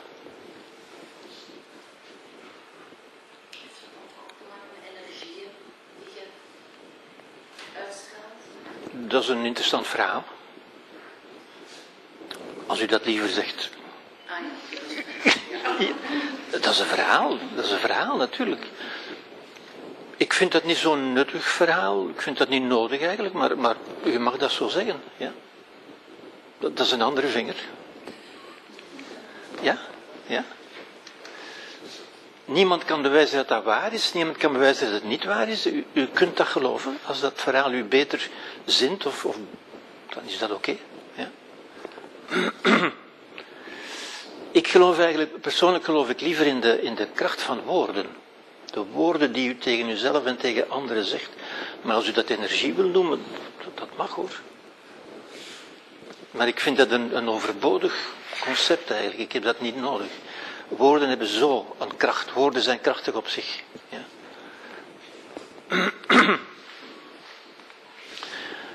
Ook dit is een verhaal van de reizigers Een reiziger liep van een dorp in de bergen naar een dorp in de vallei. Onderweg zag hij een boer die het land aan het bewerken was. En hij vroeg, mag ik u een vraag stellen aan die boer? Natuurlijk, zei die boer, ja. En hij zei, ik reis van het dorp in de bergen naar het dorp in de vallei. En ik vraag me af of u mij zou kunnen zeggen hoe de mensen daar beneden zijn.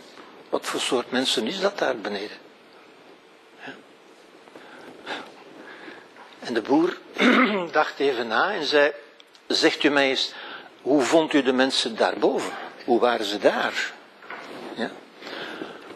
En die man zei, vreselijk, ik ben blij dat ik kon vertrekken. De mensen waren helemaal niet gastvrij. Toen ik aankwam werd ik koud begroet. Ik kreeg nooit het gevoel dat ik bij het dorp hoorde. Dorpelingen bleven afstandelijk en onder elkaar. Ze zijn niet vriendelijk. Helemaal niet fijn. Maar zeg me nu eens, wat kan ik in het dorp daar beneden? Hoe zijn ze daar? Ja? En de boer zegt, ik ben bang dat ik u moet zeggen dat uw ervaring daar beneden toch ongeveer hetzelfde zal zijn. De man zuchtte, dankte en, en hij ging verder. en een tijdje later kwam er een andere reiziger langs de weg, van hetzelfde dorp in de bergen naar het dorp in de vallei. En hij stopte ook bij die boer. En hij vroeg daar ook, van zou je mij kunnen zeggen hoe de mensen daar beneden zijn? Ja, want die komen van daarboven. En de boer zei hetzelfde. Zeg mij eens, hoe waren de mensen daarboven? En die man zei, oh die waren geweldig. Ik zou langer gebleven zijn als ik kon, maar ik moest verder reizen. De mensen waren zo gastvrij. Toen ik aankwam werd ik vriendelijk onthaald. Ik voelde mij een lid van de familie. De dorpelingen waren vriendelijk en genereus en ze speelden met mij. Het is jammer dat ik moest vertrekken en ik zal er altijd met plezier aan terugdenken. Maar zeg mij nu eens, hoe zijn ze daar beneden? En de boer dacht even na en hij zei, ik denk dat u zult zien dat de mensen daar beneden even vriendelijk zijn.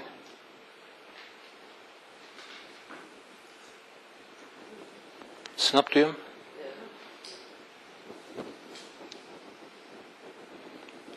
Wie vriendelijk is, wie vriendelijkheid in zich heeft, ja, ziet ook vriendelijkheid om zich heen natuurlijk. Ja.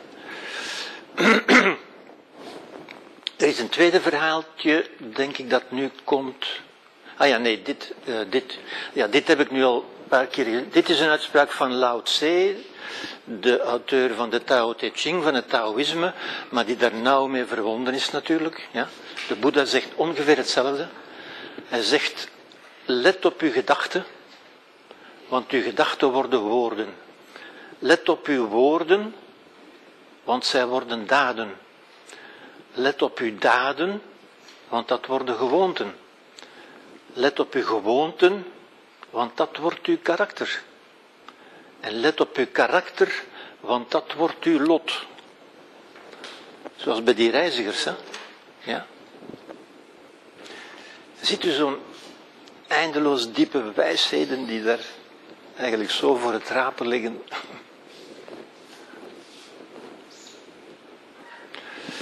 Dat zegt eigenlijk ook, eigenlijk zit hier ook in wat ik heb gezegd. Hè. Er, is, er is geen essentie in u. Dat is het existentialisme natuurlijk. Hè. U creëert uw essentie, u creëert wat u bent door wat u regelmatig doet. Aristoteles zei, wat u regelmatig doet, wordt een gewoonte. Ja? Gewoonten worden gecreëerd. En goede gewoonten worden op dezelfde manier gecreëerd als, als minder goede gewoonten. Door de herhaling. Wat u herhaaldelijk doet, wordt altijd gemakkelijker en wordt een gewoonte. En dan gaat u denken dat dat is wat u bent. Wat u bent is eigenlijk een verzameling gewoonten.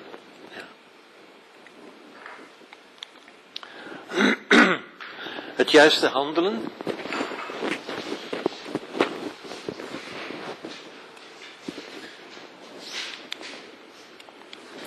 Dat is karma. En karma, dat is een Sanskriet woord, zit eigenlijk die wortel karm in, die we ook in karwei hebben. Ja. Karma is doen, dat wat gebeurt, dat wat u doet, wat u teweeg brengt. Ja. En karma, eigenlijk heb ik dat al vernoemd. Je kunt dat ook zien als onderdeel van de eenheid van alles natuurlijk. Ja. Karma zegt, alles heeft gevolgen. Alles heeft gevolgen. Ja. Vroeger of later bij u of, bij uw nageslacht of alles werkt in op alles. Alles heeft gevolgen. Het is het bewustzijn ook van een soort universele verantwoordelijkheid. Het is ook het bewustzijn dat wat u doet belangrijk is. Ja? U kunt niet zeggen, het, het doet er niet toe. Het doet er wel toe. Alles wat u doet, alles wat wij doen, heeft belang. Ook nu. Wat wij doen nu, ons, ons koopgedrag nu, heeft gevolgen aan de andere kant van de aarde. Ja? Alles wat wij doen, heeft gevolgen. Dat, dat bewustzijn van die verantwoordelijkheid. Gedachten, woorden en daden hebben gevolgen voor onszelf en voor anderen. Wat men doet kan welzijn of lijden voortbrengen. En dus u ziet, het gaat altijd daarover. Het boeddhisme gaat altijd daarover. Over lijden en over welzijn. Ja.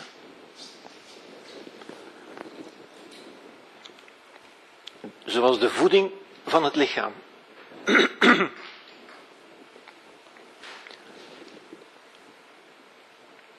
U bent vrij om uw lichaam te voeden zoals u wil.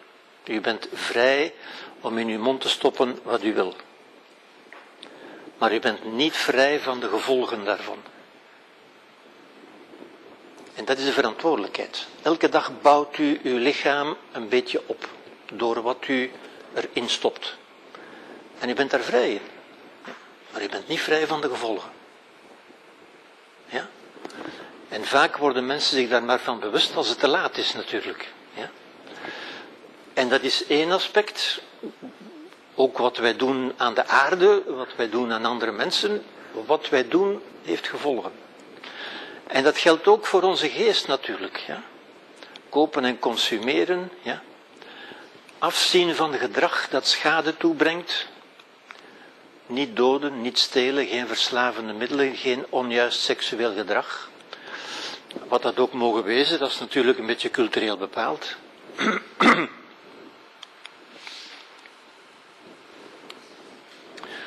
Maar dat beeld van de voeding van het lichaam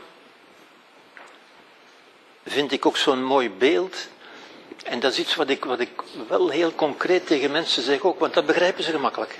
Ja? U bent vrij om in uw mond te stoppen wat u wil. Ja?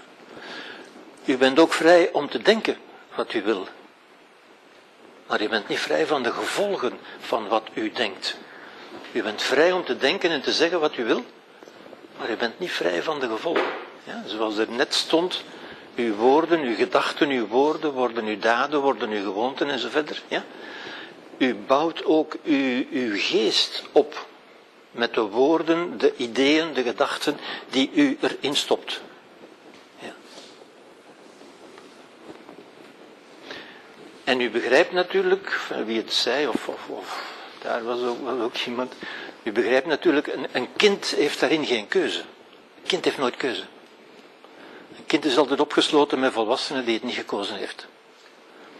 En die, en die stoppen daar dingen in, ja, met de bedoelingen die ze hebben, maar een kind heeft daar in ieder geval geen keuze in. Ja. Maar een kind ondergaat wel, een kind ondergaat ja, de effecten daarvan. Ja. Een kind ondergaat een volwassene in principe ondergaat niet, maar onderneemt. Een volwassene heeft wel keuze. Ja? Maar vele volwassenen gedragen zich ook alsof ze geen keuze zouden hebben natuurlijk. Ja? Maar een volwassene heeft wel keuze. Ja? Een volwassene kan nadenken over zijn gedachten. En kan beseffen, die gedachten hebben ze, heeft men er ooit in gestopt. Ik heb ooit in Sinterklaas geloofd, maar nu geloof ik er niet meer in. Dat is een volwassene. Een kind kan dat niet uit zichzelf. Ja?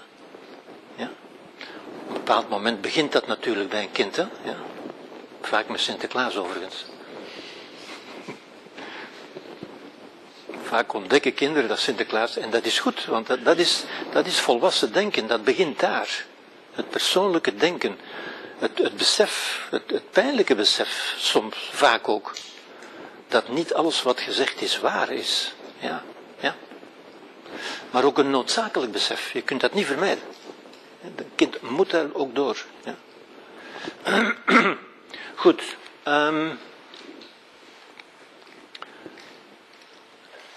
het verhaal van de Chinese boer. Ik weet niet of u dat kent.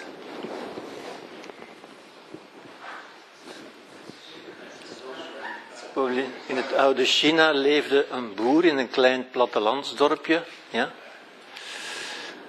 Zijn dorpsgenoten beschouwden hem als iemand in goede doen, want hij had een zoon en hij had een paard om het land te bewerken. Dus hij was welgesteld. Maar op een dag ging het paard er vandoor. Dat ging lopen. Ja? En natuurlijk, de, de buren en de vrienden kwamen naar hem toe om hem te zeggen hoe erg ze dat vonden en om hem te troosten. Want dat is nu toch wel erg wat dat er nu overkomen is. Ja?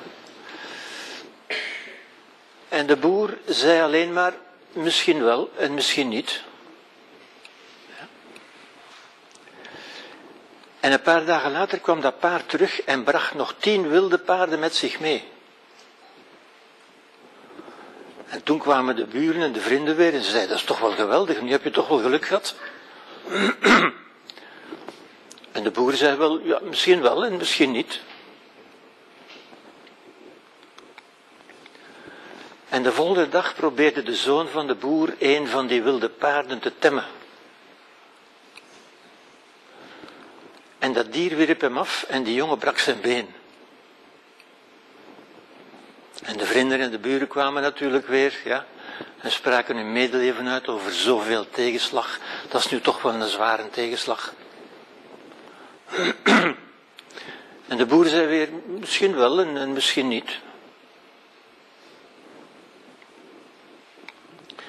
En een tijd later kwamen de militairen in het dorp om alle jonge mannen te recruteren voor het leger.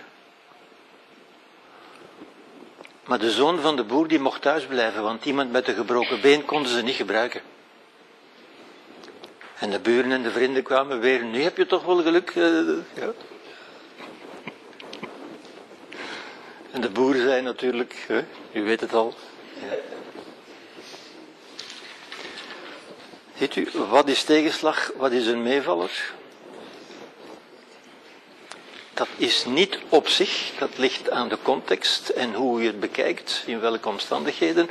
Op zich zijn er geen tegenslagen, zijn er geen mislukkingen, er zijn alleen dingen die anders uitpakken dan u gedacht had. Ja,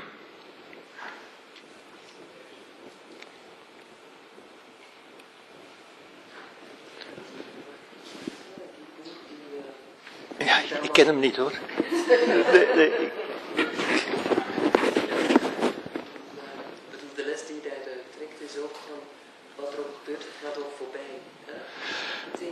Het gaat voorbij, ja, maar je weet ook nooit hoe het zal uitpakken. Uiteindelijk kun je niet zeggen of een bepaalde gebeurtenis, of dat nu goed of, of, of slecht, meevaller of tegenslag, dat wordt eigenlijk bepaald door de volgende gebeurtenissen. Ja, ja, ja, Maar ja, dat bedoel ik van. Ja. Dat is ja, alles Ja. vloeit voort. Ja. Dat, wat ogenschijnlijk vandaag Ja. als, als ongelukkig bekeken wordt, ja, kan je positief aspect hebben. ja, juist, inderdaad. En daar, daar zit nog een, een, ik vind een boeiende filosofische gedachte in, hè, want dat toont aan, of hier wordt geïllustreerd, aangetoond eigenlijk, ja, dat de betekenis van een bepaald gebeuren bepaald wordt door de toekomst. Niet door het verleden, maar door de toekomst, die je nog niet kent. En dus is het wijs, van te zeggen misschien wel, misschien niet, is het wijs van je te onthouden van oordeel. Ja, we zullen wel zien, in feite. Ja? Zoals, zoals vaak, als je een zin begint uit te spreken, het, is, het zijn pas de laatste woorden vaak die de betekenis van de zin belichten.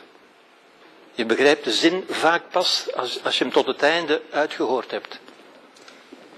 Ja? En dat is met het leven ook zo. Je kunt het leven eigenlijk maar begrijpen ja, als je het uitleeft. En, en ik ken zo verschillende mensen die als, als er iets overkomt, ik zeg maar een been breken, wat ik weet, dan kijken van, oh ja, wat, wat zou mij dat nu kunnen leren? Ja. Of, Ja. wat, wat, eh, welke voordelen zijn daar nu Ja. Ja. Bijvoorbeeld, ik kan nu thuis zitten en ik hoef niet te werken. En ik kan Ja. veel lezen. Ja, ja, ja, ja absoluut, absoluut, absoluut, absoluut. Ja.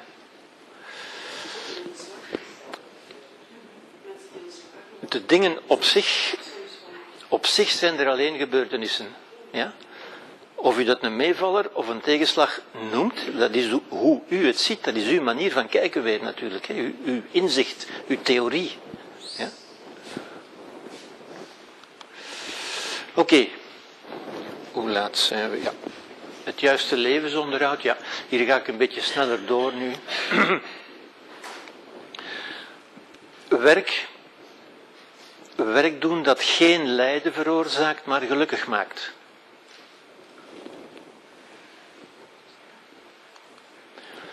Werk zou moeten zijn een verwerkelijking, waar je werkelijk wordt. Ja? Werk zou iets moeten zijn, in principe, waarin u zich verwerkelijkt. Waarin u uw waarden toont. Waarin u toont wie u wil zijn, wat u wil zijn eigenlijk. Waarin u werkelijk wordt.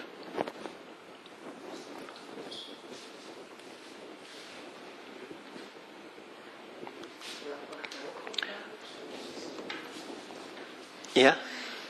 Omdat Nelson Mandela bijvoorbeeld alleen maar in het bos was van, van in zijn gevangenis. Moest dat de gang vegen. Ja. Ja. Ja. Ja, absoluut. kon daar ook Ja. Ja, ja, absoluut, absoluut, absoluut.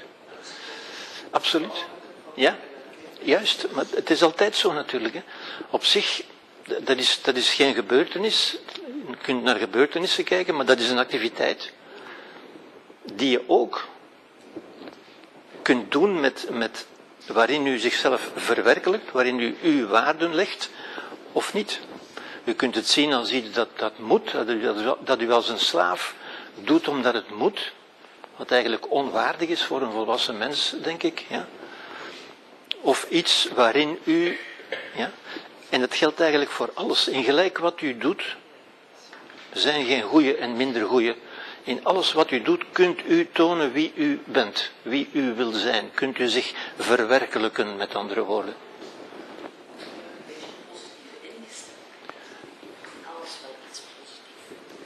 Ja, maar dat is toch ook zo? Ja, dat is toch ook zo? Alleen het gebruik van het woord positief. Hè. Ik, ik, u hoort me die woorden niet gebruiken eigenlijk.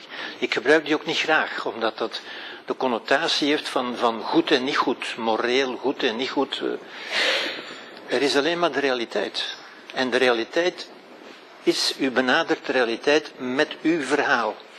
Het is altijd uw verhaal. De realiteit op zich is geen, hè, zoals de boer, hè, er is geen meevaller en geen tegenvaller. Er zijn alleen gebeurtenissen, verrassingen, ervaringen, die u kunt zien als een kans om iets van uzelf in te verwerkelijken. Om te tonen wie u bent, zoals, zoals Mandela, inderdaad. Hè, ja. Zelfs in de gevangenis, 27 jaar, alstublieft. Ja. Heeft hij getoond wie hij was. Ja. Ongelooflijk, maar. Kan dat? Ja, dat kan. Waarin we het ideaal en de waarde van begrip en mededogen tot uitdrukking kunnen brengen. Ja.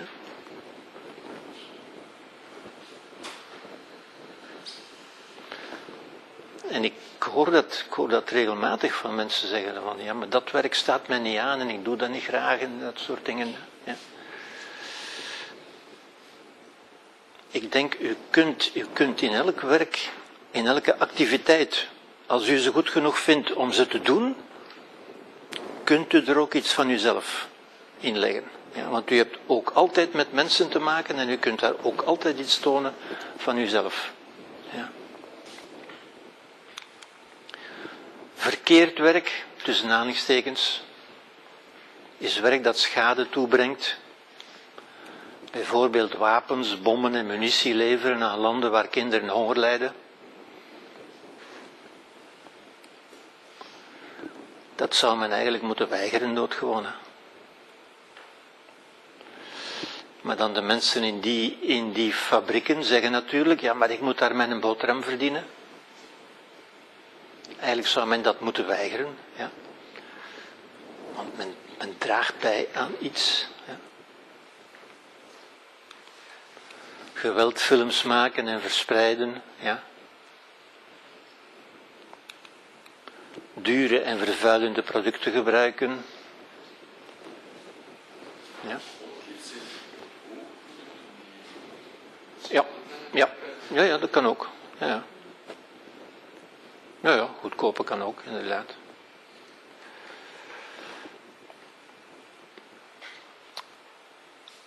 Oké.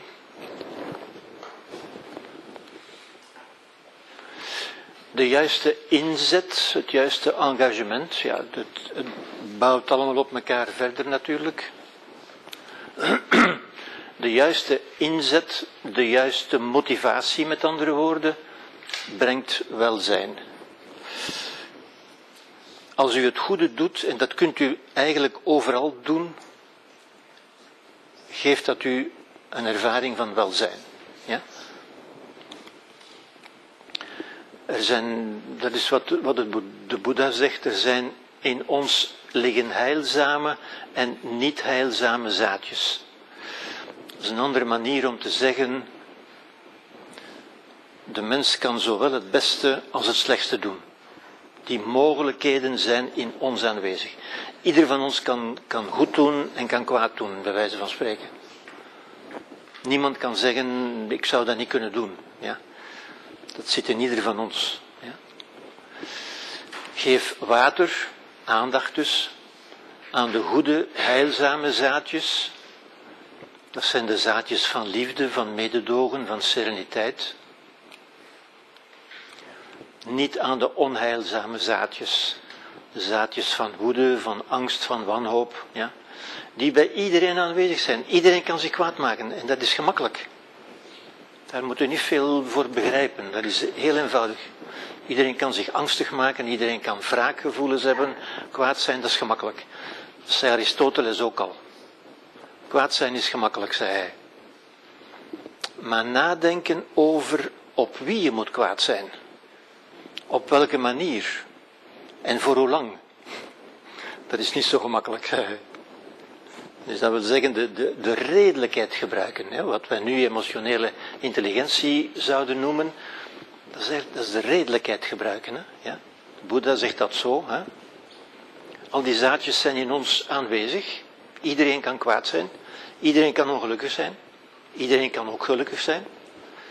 Het is wat we voeden. Wat we in ons voeden. Verkeerde inzet, perfectionisme, najagen van geld, roem of genot enzovoort, ja, veroorzaken stress, onwelzijn en lijden.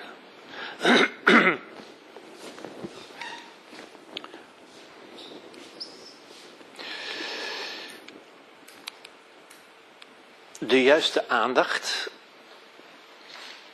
De juiste aandacht dat is wat we nu mindfulness zouden noemen, denk ik. Ja?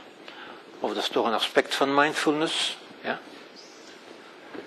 Mindfulness is eigenlijk het leren, het leren richten van je aandacht, het leren gebruiken van die menselijke mogelijkheid van aandacht, van aandachtig te zijn, in plaats van uw aandacht te laten capteren, te laten gebruiken door toevallige omstandigheden. Ja? Dus dat is weer in plaats van te ondergaan, te ondernemen. Een volwassene onderneemt, een kind ondergaat. Ja? Waar je aandacht aan geeft, u kunt dat ook energie noemen als u wil. Ja?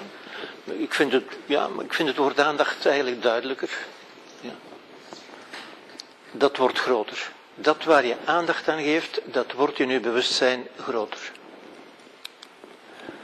Bijvoorbeeld piekeren over het verleden of over de toekomst, dan wordt dat eigenlijk altijd groter. U geeft daar belang aan door er aandacht aan te geven. Of energie, als u dat woord wil gebruiken, ja.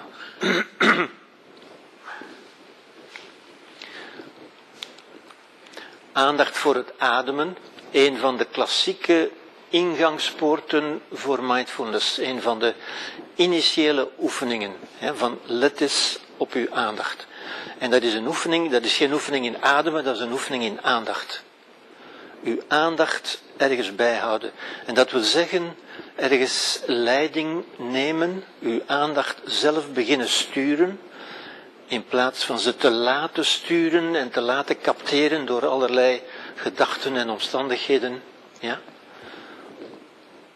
Aandacht voor het wonder van het leven. Ik heb het al een paar keren gezegd. Ja? Als u, als u met aandacht kijkt naar het leven, gelijk welk leven, het leven in u, het leven in anderen, het leven in planten en in dieren, dan ziet u eigenlijk een wonderlijk proces. Wonderlijk in, in de zin, echt wonderlijk, in de zin dat we dat niet kunnen begrijpen in feite. We kunnen daar alleen naar kijken en ons, ons verwonderen, ons emerveilleren eigenlijk. Ja?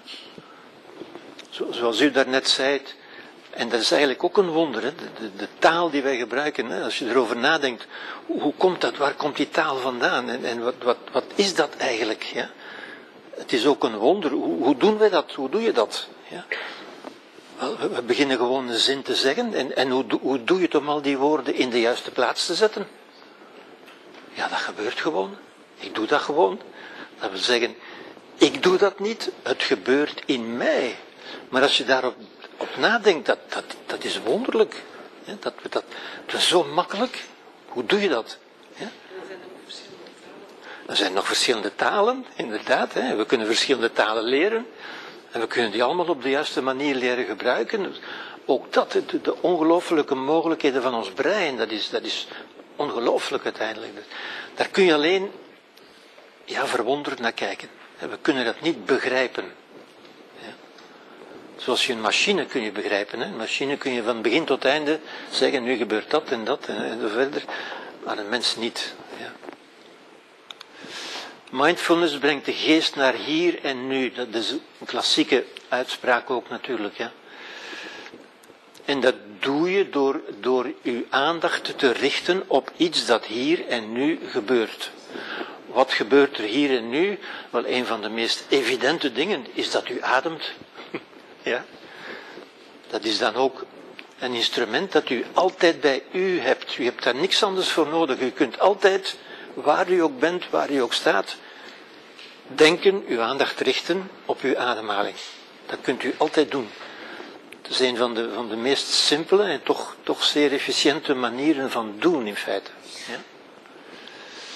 Bewust worden van waarneming, gedachten, gevoelens enzovoort. Daar bewust van worden. Ja? En als u er bewust van wordt, dan neemt u er meteen ook een zekere afstand van. Ja? Dan bent u niet meer uw gedachten en uw gevoelens. Ja? En dan kan de gedachte verder gaan, zoals we dat straks hebben gezegd. Hè? Als u dat doet, als u beseft wat u niet bent, dan kunt u gaan denken, ja, wat ben ik dan wel? Komen we weer op de gedachte van dat straks natuurlijk. Hè? En ook dat is eigenlijk wonderlijk. Wat ben ik? Ja, u kunt het niet zeggen. Ook dat is een soort, soort mysterie. Ja? Een soort wonder, in feite. Ja? Zoals de horizon. Ik kan er veel over zeggen, maar ik kan het nooit vatten. Kan het nooit echt pakken. Kan het nooit echt begrijpen. Ja?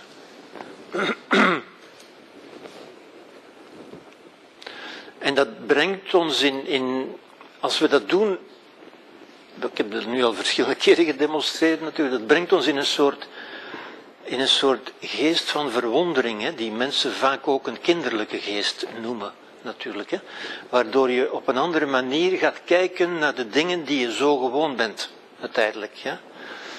In, in de zen-filosofie zegt men, a zen-mind is a beginner's mind.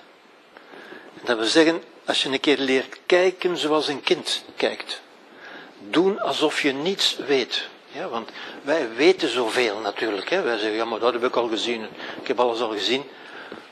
Maar in feite, als je er nog eens naar kijkt, dan zie je eigenlijk overal het wonder. Ja? En dat is ook een beetje de, de geest van de Boeddha natuurlijk. Ja?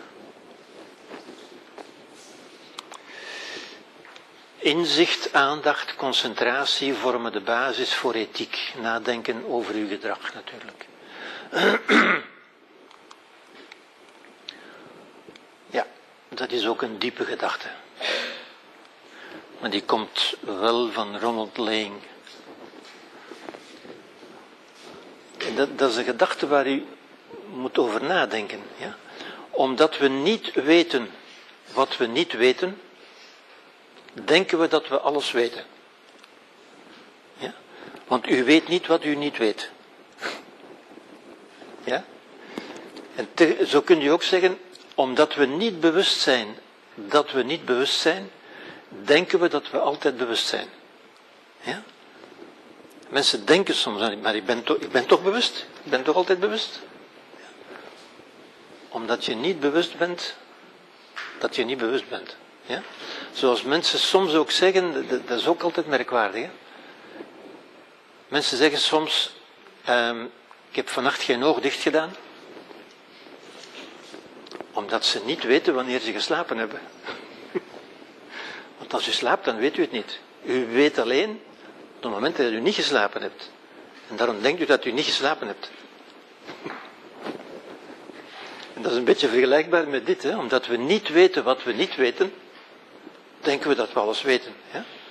We hebben ook niet gezien wat we niet gezien hebben. Dus denken we, ja, ik ben daar geweest, dus ik heb alles gezien. Nee, er is heel veel dat u niet gezien hebt.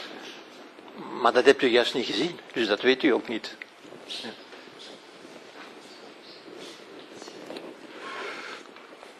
vind ons bewustzijn iets raars. Hoe zegt u? Ik vind ons bewustzijn iets raars. Dat is iets raars. Dat is, ja, inderdaad. Zeker, zeker, absoluut. Ja. En de laatste,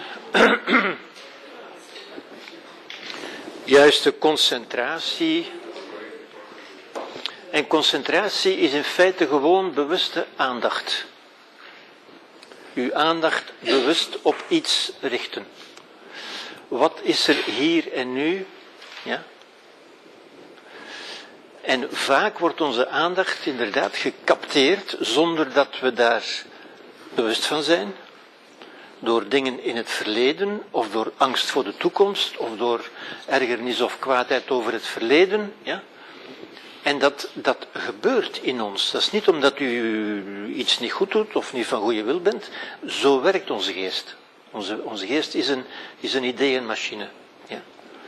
Maar we kunnen leren van die aandacht bewust te richten. Van bewust terug te komen. Ja? Niemand kan zijn gedachten controleren. U kunt niet beletten dat bepaalde gedachten bij u opborrelen. Dat kunt u niet beletten. Maar u kunt wel, telkens er een gedachte komt, uw aandacht terugbrengen naar iets wat u zelf gekozen hebt. Bijvoorbeeld wat er hier en nu is. Er is wat er is en dat is altijd zo goed als het nu kan zijn.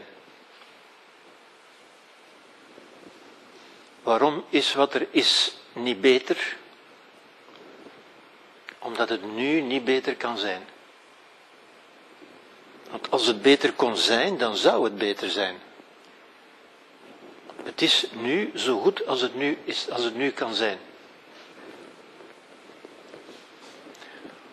Ook dat is een boeddhistische ingesteldheid, een boeddhistische gedachte natuurlijk. Wat ingaat tegen wat vele mensen denken. Vele mensen denken dat mensen slecht zijn of van slechte wil zijn of lui zijn en dat soort eh, dingen die ik absoluut verfoeilijk vind. Mensen zijn, de dingen zijn en mensen zijn altijd zo goed als ze kunnen zijn, nu. Niet absoluut, maar nu. Ze zijn niet beter omdat ze nu niet beter kunnen zijn. Ja? Waarom bent u nu niet beter? Niet omdat u slecht wil zijn, maar omdat u nu niet beter kunt zijn en, en ik ook niet. Ja? Je krijgt altijd de les die je nodig hebt. Bijvoorbeeld concentratie op adem, concentratie op het lichaam. Dat zijn onderwerpen voor meditatie ook natuurlijk, uw concentratie. Meditatie is ook concentratie. concentratie op leven hier en nu. wat ik soms vergelijk met, met luisteren naar muziek. En dat is natuurlijk dat is een beetje het voordeel van, van, van of een eigenschap van muziek ook. Als u, naar, als u aandachtig naar muziek luistert, dan luistert u altijd hier en nu. Ja? U luistert niet terwijl u verlangt, was de laatste noot er maar al. Nee, u, u luistert nu en u geniet nu van de muziek. Ja? Als u dat niet doet, dan geniet u er ook niet van. Ja? En het leven is een beetje als luisteren naar muziek. Het is een muziekstuk dat gespeeld wordt. Je kunt het zo zien. Concentratie op het wonder, ik heb het net gezegd. Eigenlijk kun je het wonder overal zien als u zo kijkt. Er zijn niet fouten, mislukkingen, zwakte, gebreken en zo verder. Ja? Zijn ook altijd mensen hebben geen fouten en gebreken en zwakten. Ja? Ik hoor dat ook zo vaak zeggen. Wat hebben mensen dan wel? Wat hebben mensen dan wel? En ziet u, als u, dat, als u die woorden niet meer wil gebruiken, dan stelt zich de heel concrete vraag, hoe ga ik dat nu zeggen? Dat is een uitdaging aan uw creativiteit, hè? inderdaad, dat is concreet. Hè? Want die clichéwoorden komen zo naar boven natuurlijk, als u nu zegt, ik wil, ik wil dat gedrag niet meer lui noemen. Lui, dat is, een, dat een verfoeilijk woord, ik wil dat niet meer gebruiken. Dan stelt zich de vraag, hoe, hoe moet ik dat dan zeggen? Maar dat is ook een nuttige oefening. Ja? Ik zeg altijd, mensen hebben geen gebreken en geen zwakten en geen fouten. Mensen hebben bijzonderheden. Mensen hebben eigenaardigheden. Ja? Het woordje balk, eh, misschien Is het ook nee, dat is ook een. Waarvoor zou je dat gebruiken? in plaats van een hè. Ja, ja. Ja. Kwaliteit. Ja. Te ver doorschiet. Ja, dat klopt. Maar dat je je kwaliteit. Een nadeel wordt voor jezelf. Ja, dat is, dat zijn de kernkwaliteiten. Ja. ik, weet, ik begrijp wat bedoeld wordt hoor. Ja. Niet, ook niet bedrog, verraad, verlies, wonde, kwetsuur, beledigingen, al die zwaar gechargeerde, emotioneel geladen woorden. Ja. Ik denk dat het, dat het een teken van wijsheid is van die woorden te vermijden, vandaar, ik zou zeggen, nuchterder woorden, meer realistische woorden voor in de plaats te zetten. Omdat die woorden juist, en ik denk aan die, die dia die ik er straks getoond heb van Lao Tse, ik vind die, ik vind die zo belangrijk eigenlijk. Hè, ja? Omdat de, de, uw manieren van denken, de woorden die u in u aanwezig laat zijn, al is dat maar omdat die passief opborrelen, die bepalen toch mee hoe u kijkt en die gaan mee bepalen hoe u, hoe u bent gewoon. Dat is zoals de voeding, zoals wat u in uw mond steekt. U mag in uw mond steken wat u wil, maar u bent niet vrij van de gevolgen. U mag ook denken wat u wil, u mag zeggen wat u wil, u mag geloven wat u wil, maar u bent niet vrij van de gevolgen. En, en daar aandacht voor hebben, dat is toch een heel belangrijk punt ook. Ja.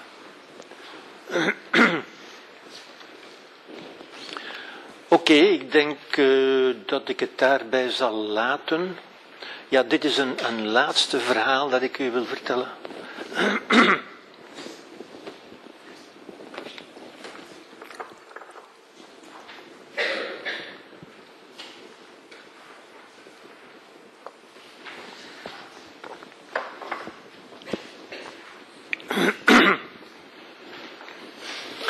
Een verhaal dat, dat een beetje, dat een beetje de, de boeddhistische levenskunst, zou ik zeggen, samenvat en illustreert natuurlijk. Ja.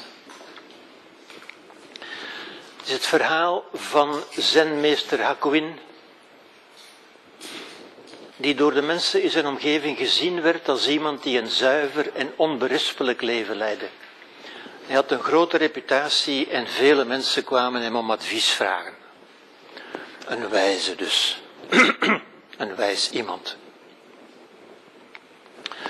Maar op een bepaald moment, eh, in dezelfde straat, woonde ook een knap meisje, de dochter van de kruidenier.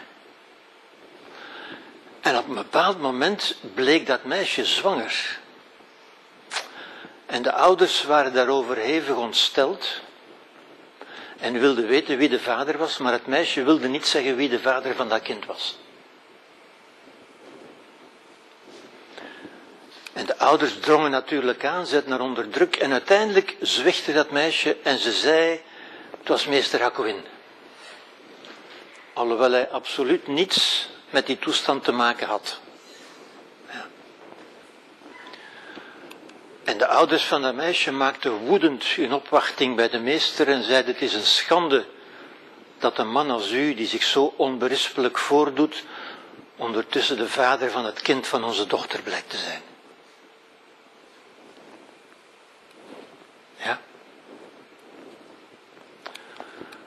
Is dat zo? zei de zenmeester. De zenmeester had bij iedereen zijn goede reputatie verloren, maar hij bekommerde zich daarom niet in het minst. Het nieuws van het schandaal verspreidde zich tot buiten de stad en niemand kon hem nog om advies vragen. De meester bleef onbewogen. Toen het kind geboren was, brachten de ouders het naar Hakowin. En ze zeiden, u bent de vader, u moet er dan ook maar voor zorgen. De meester nam de zorg voor het kind op zich.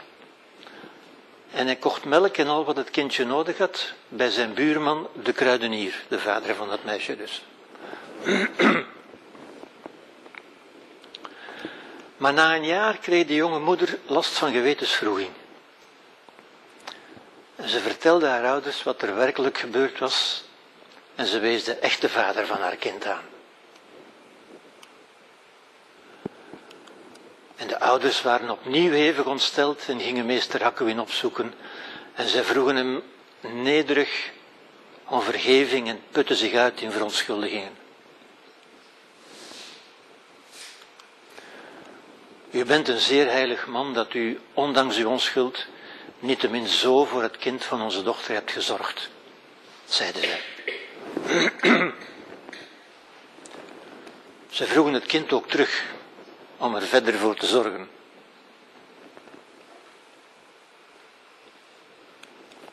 Het enige wat de zenmeester zei was, is dat zo? En hij gaf het kind, waar hij al die tijd liefdevol voor gezorgd had, gewoon terug.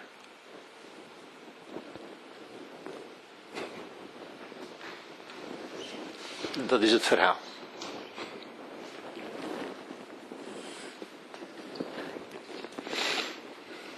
Doordenkertje. ja.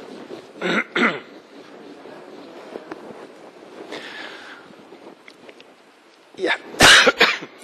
De moraal spreekt voor zichzelf eigenlijk. Die, die, die moet eigenlijk niet geëxpliciteerd worden. Hè. Dat is, die, die toont een manier van leven die, waarvan u zegt, ja, kan dat? Ja, dat kan. Ja. De boodschap is, dat kan. Ja, u kunt dat dus ook. De boodschap is, u kunt dat ook.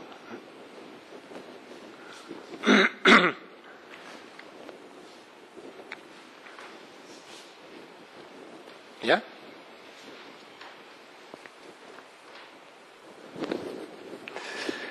Voilà, daar gaan we het bij laten voor vandaag. Dat waren de acht, het achtvoudige pad. Ja.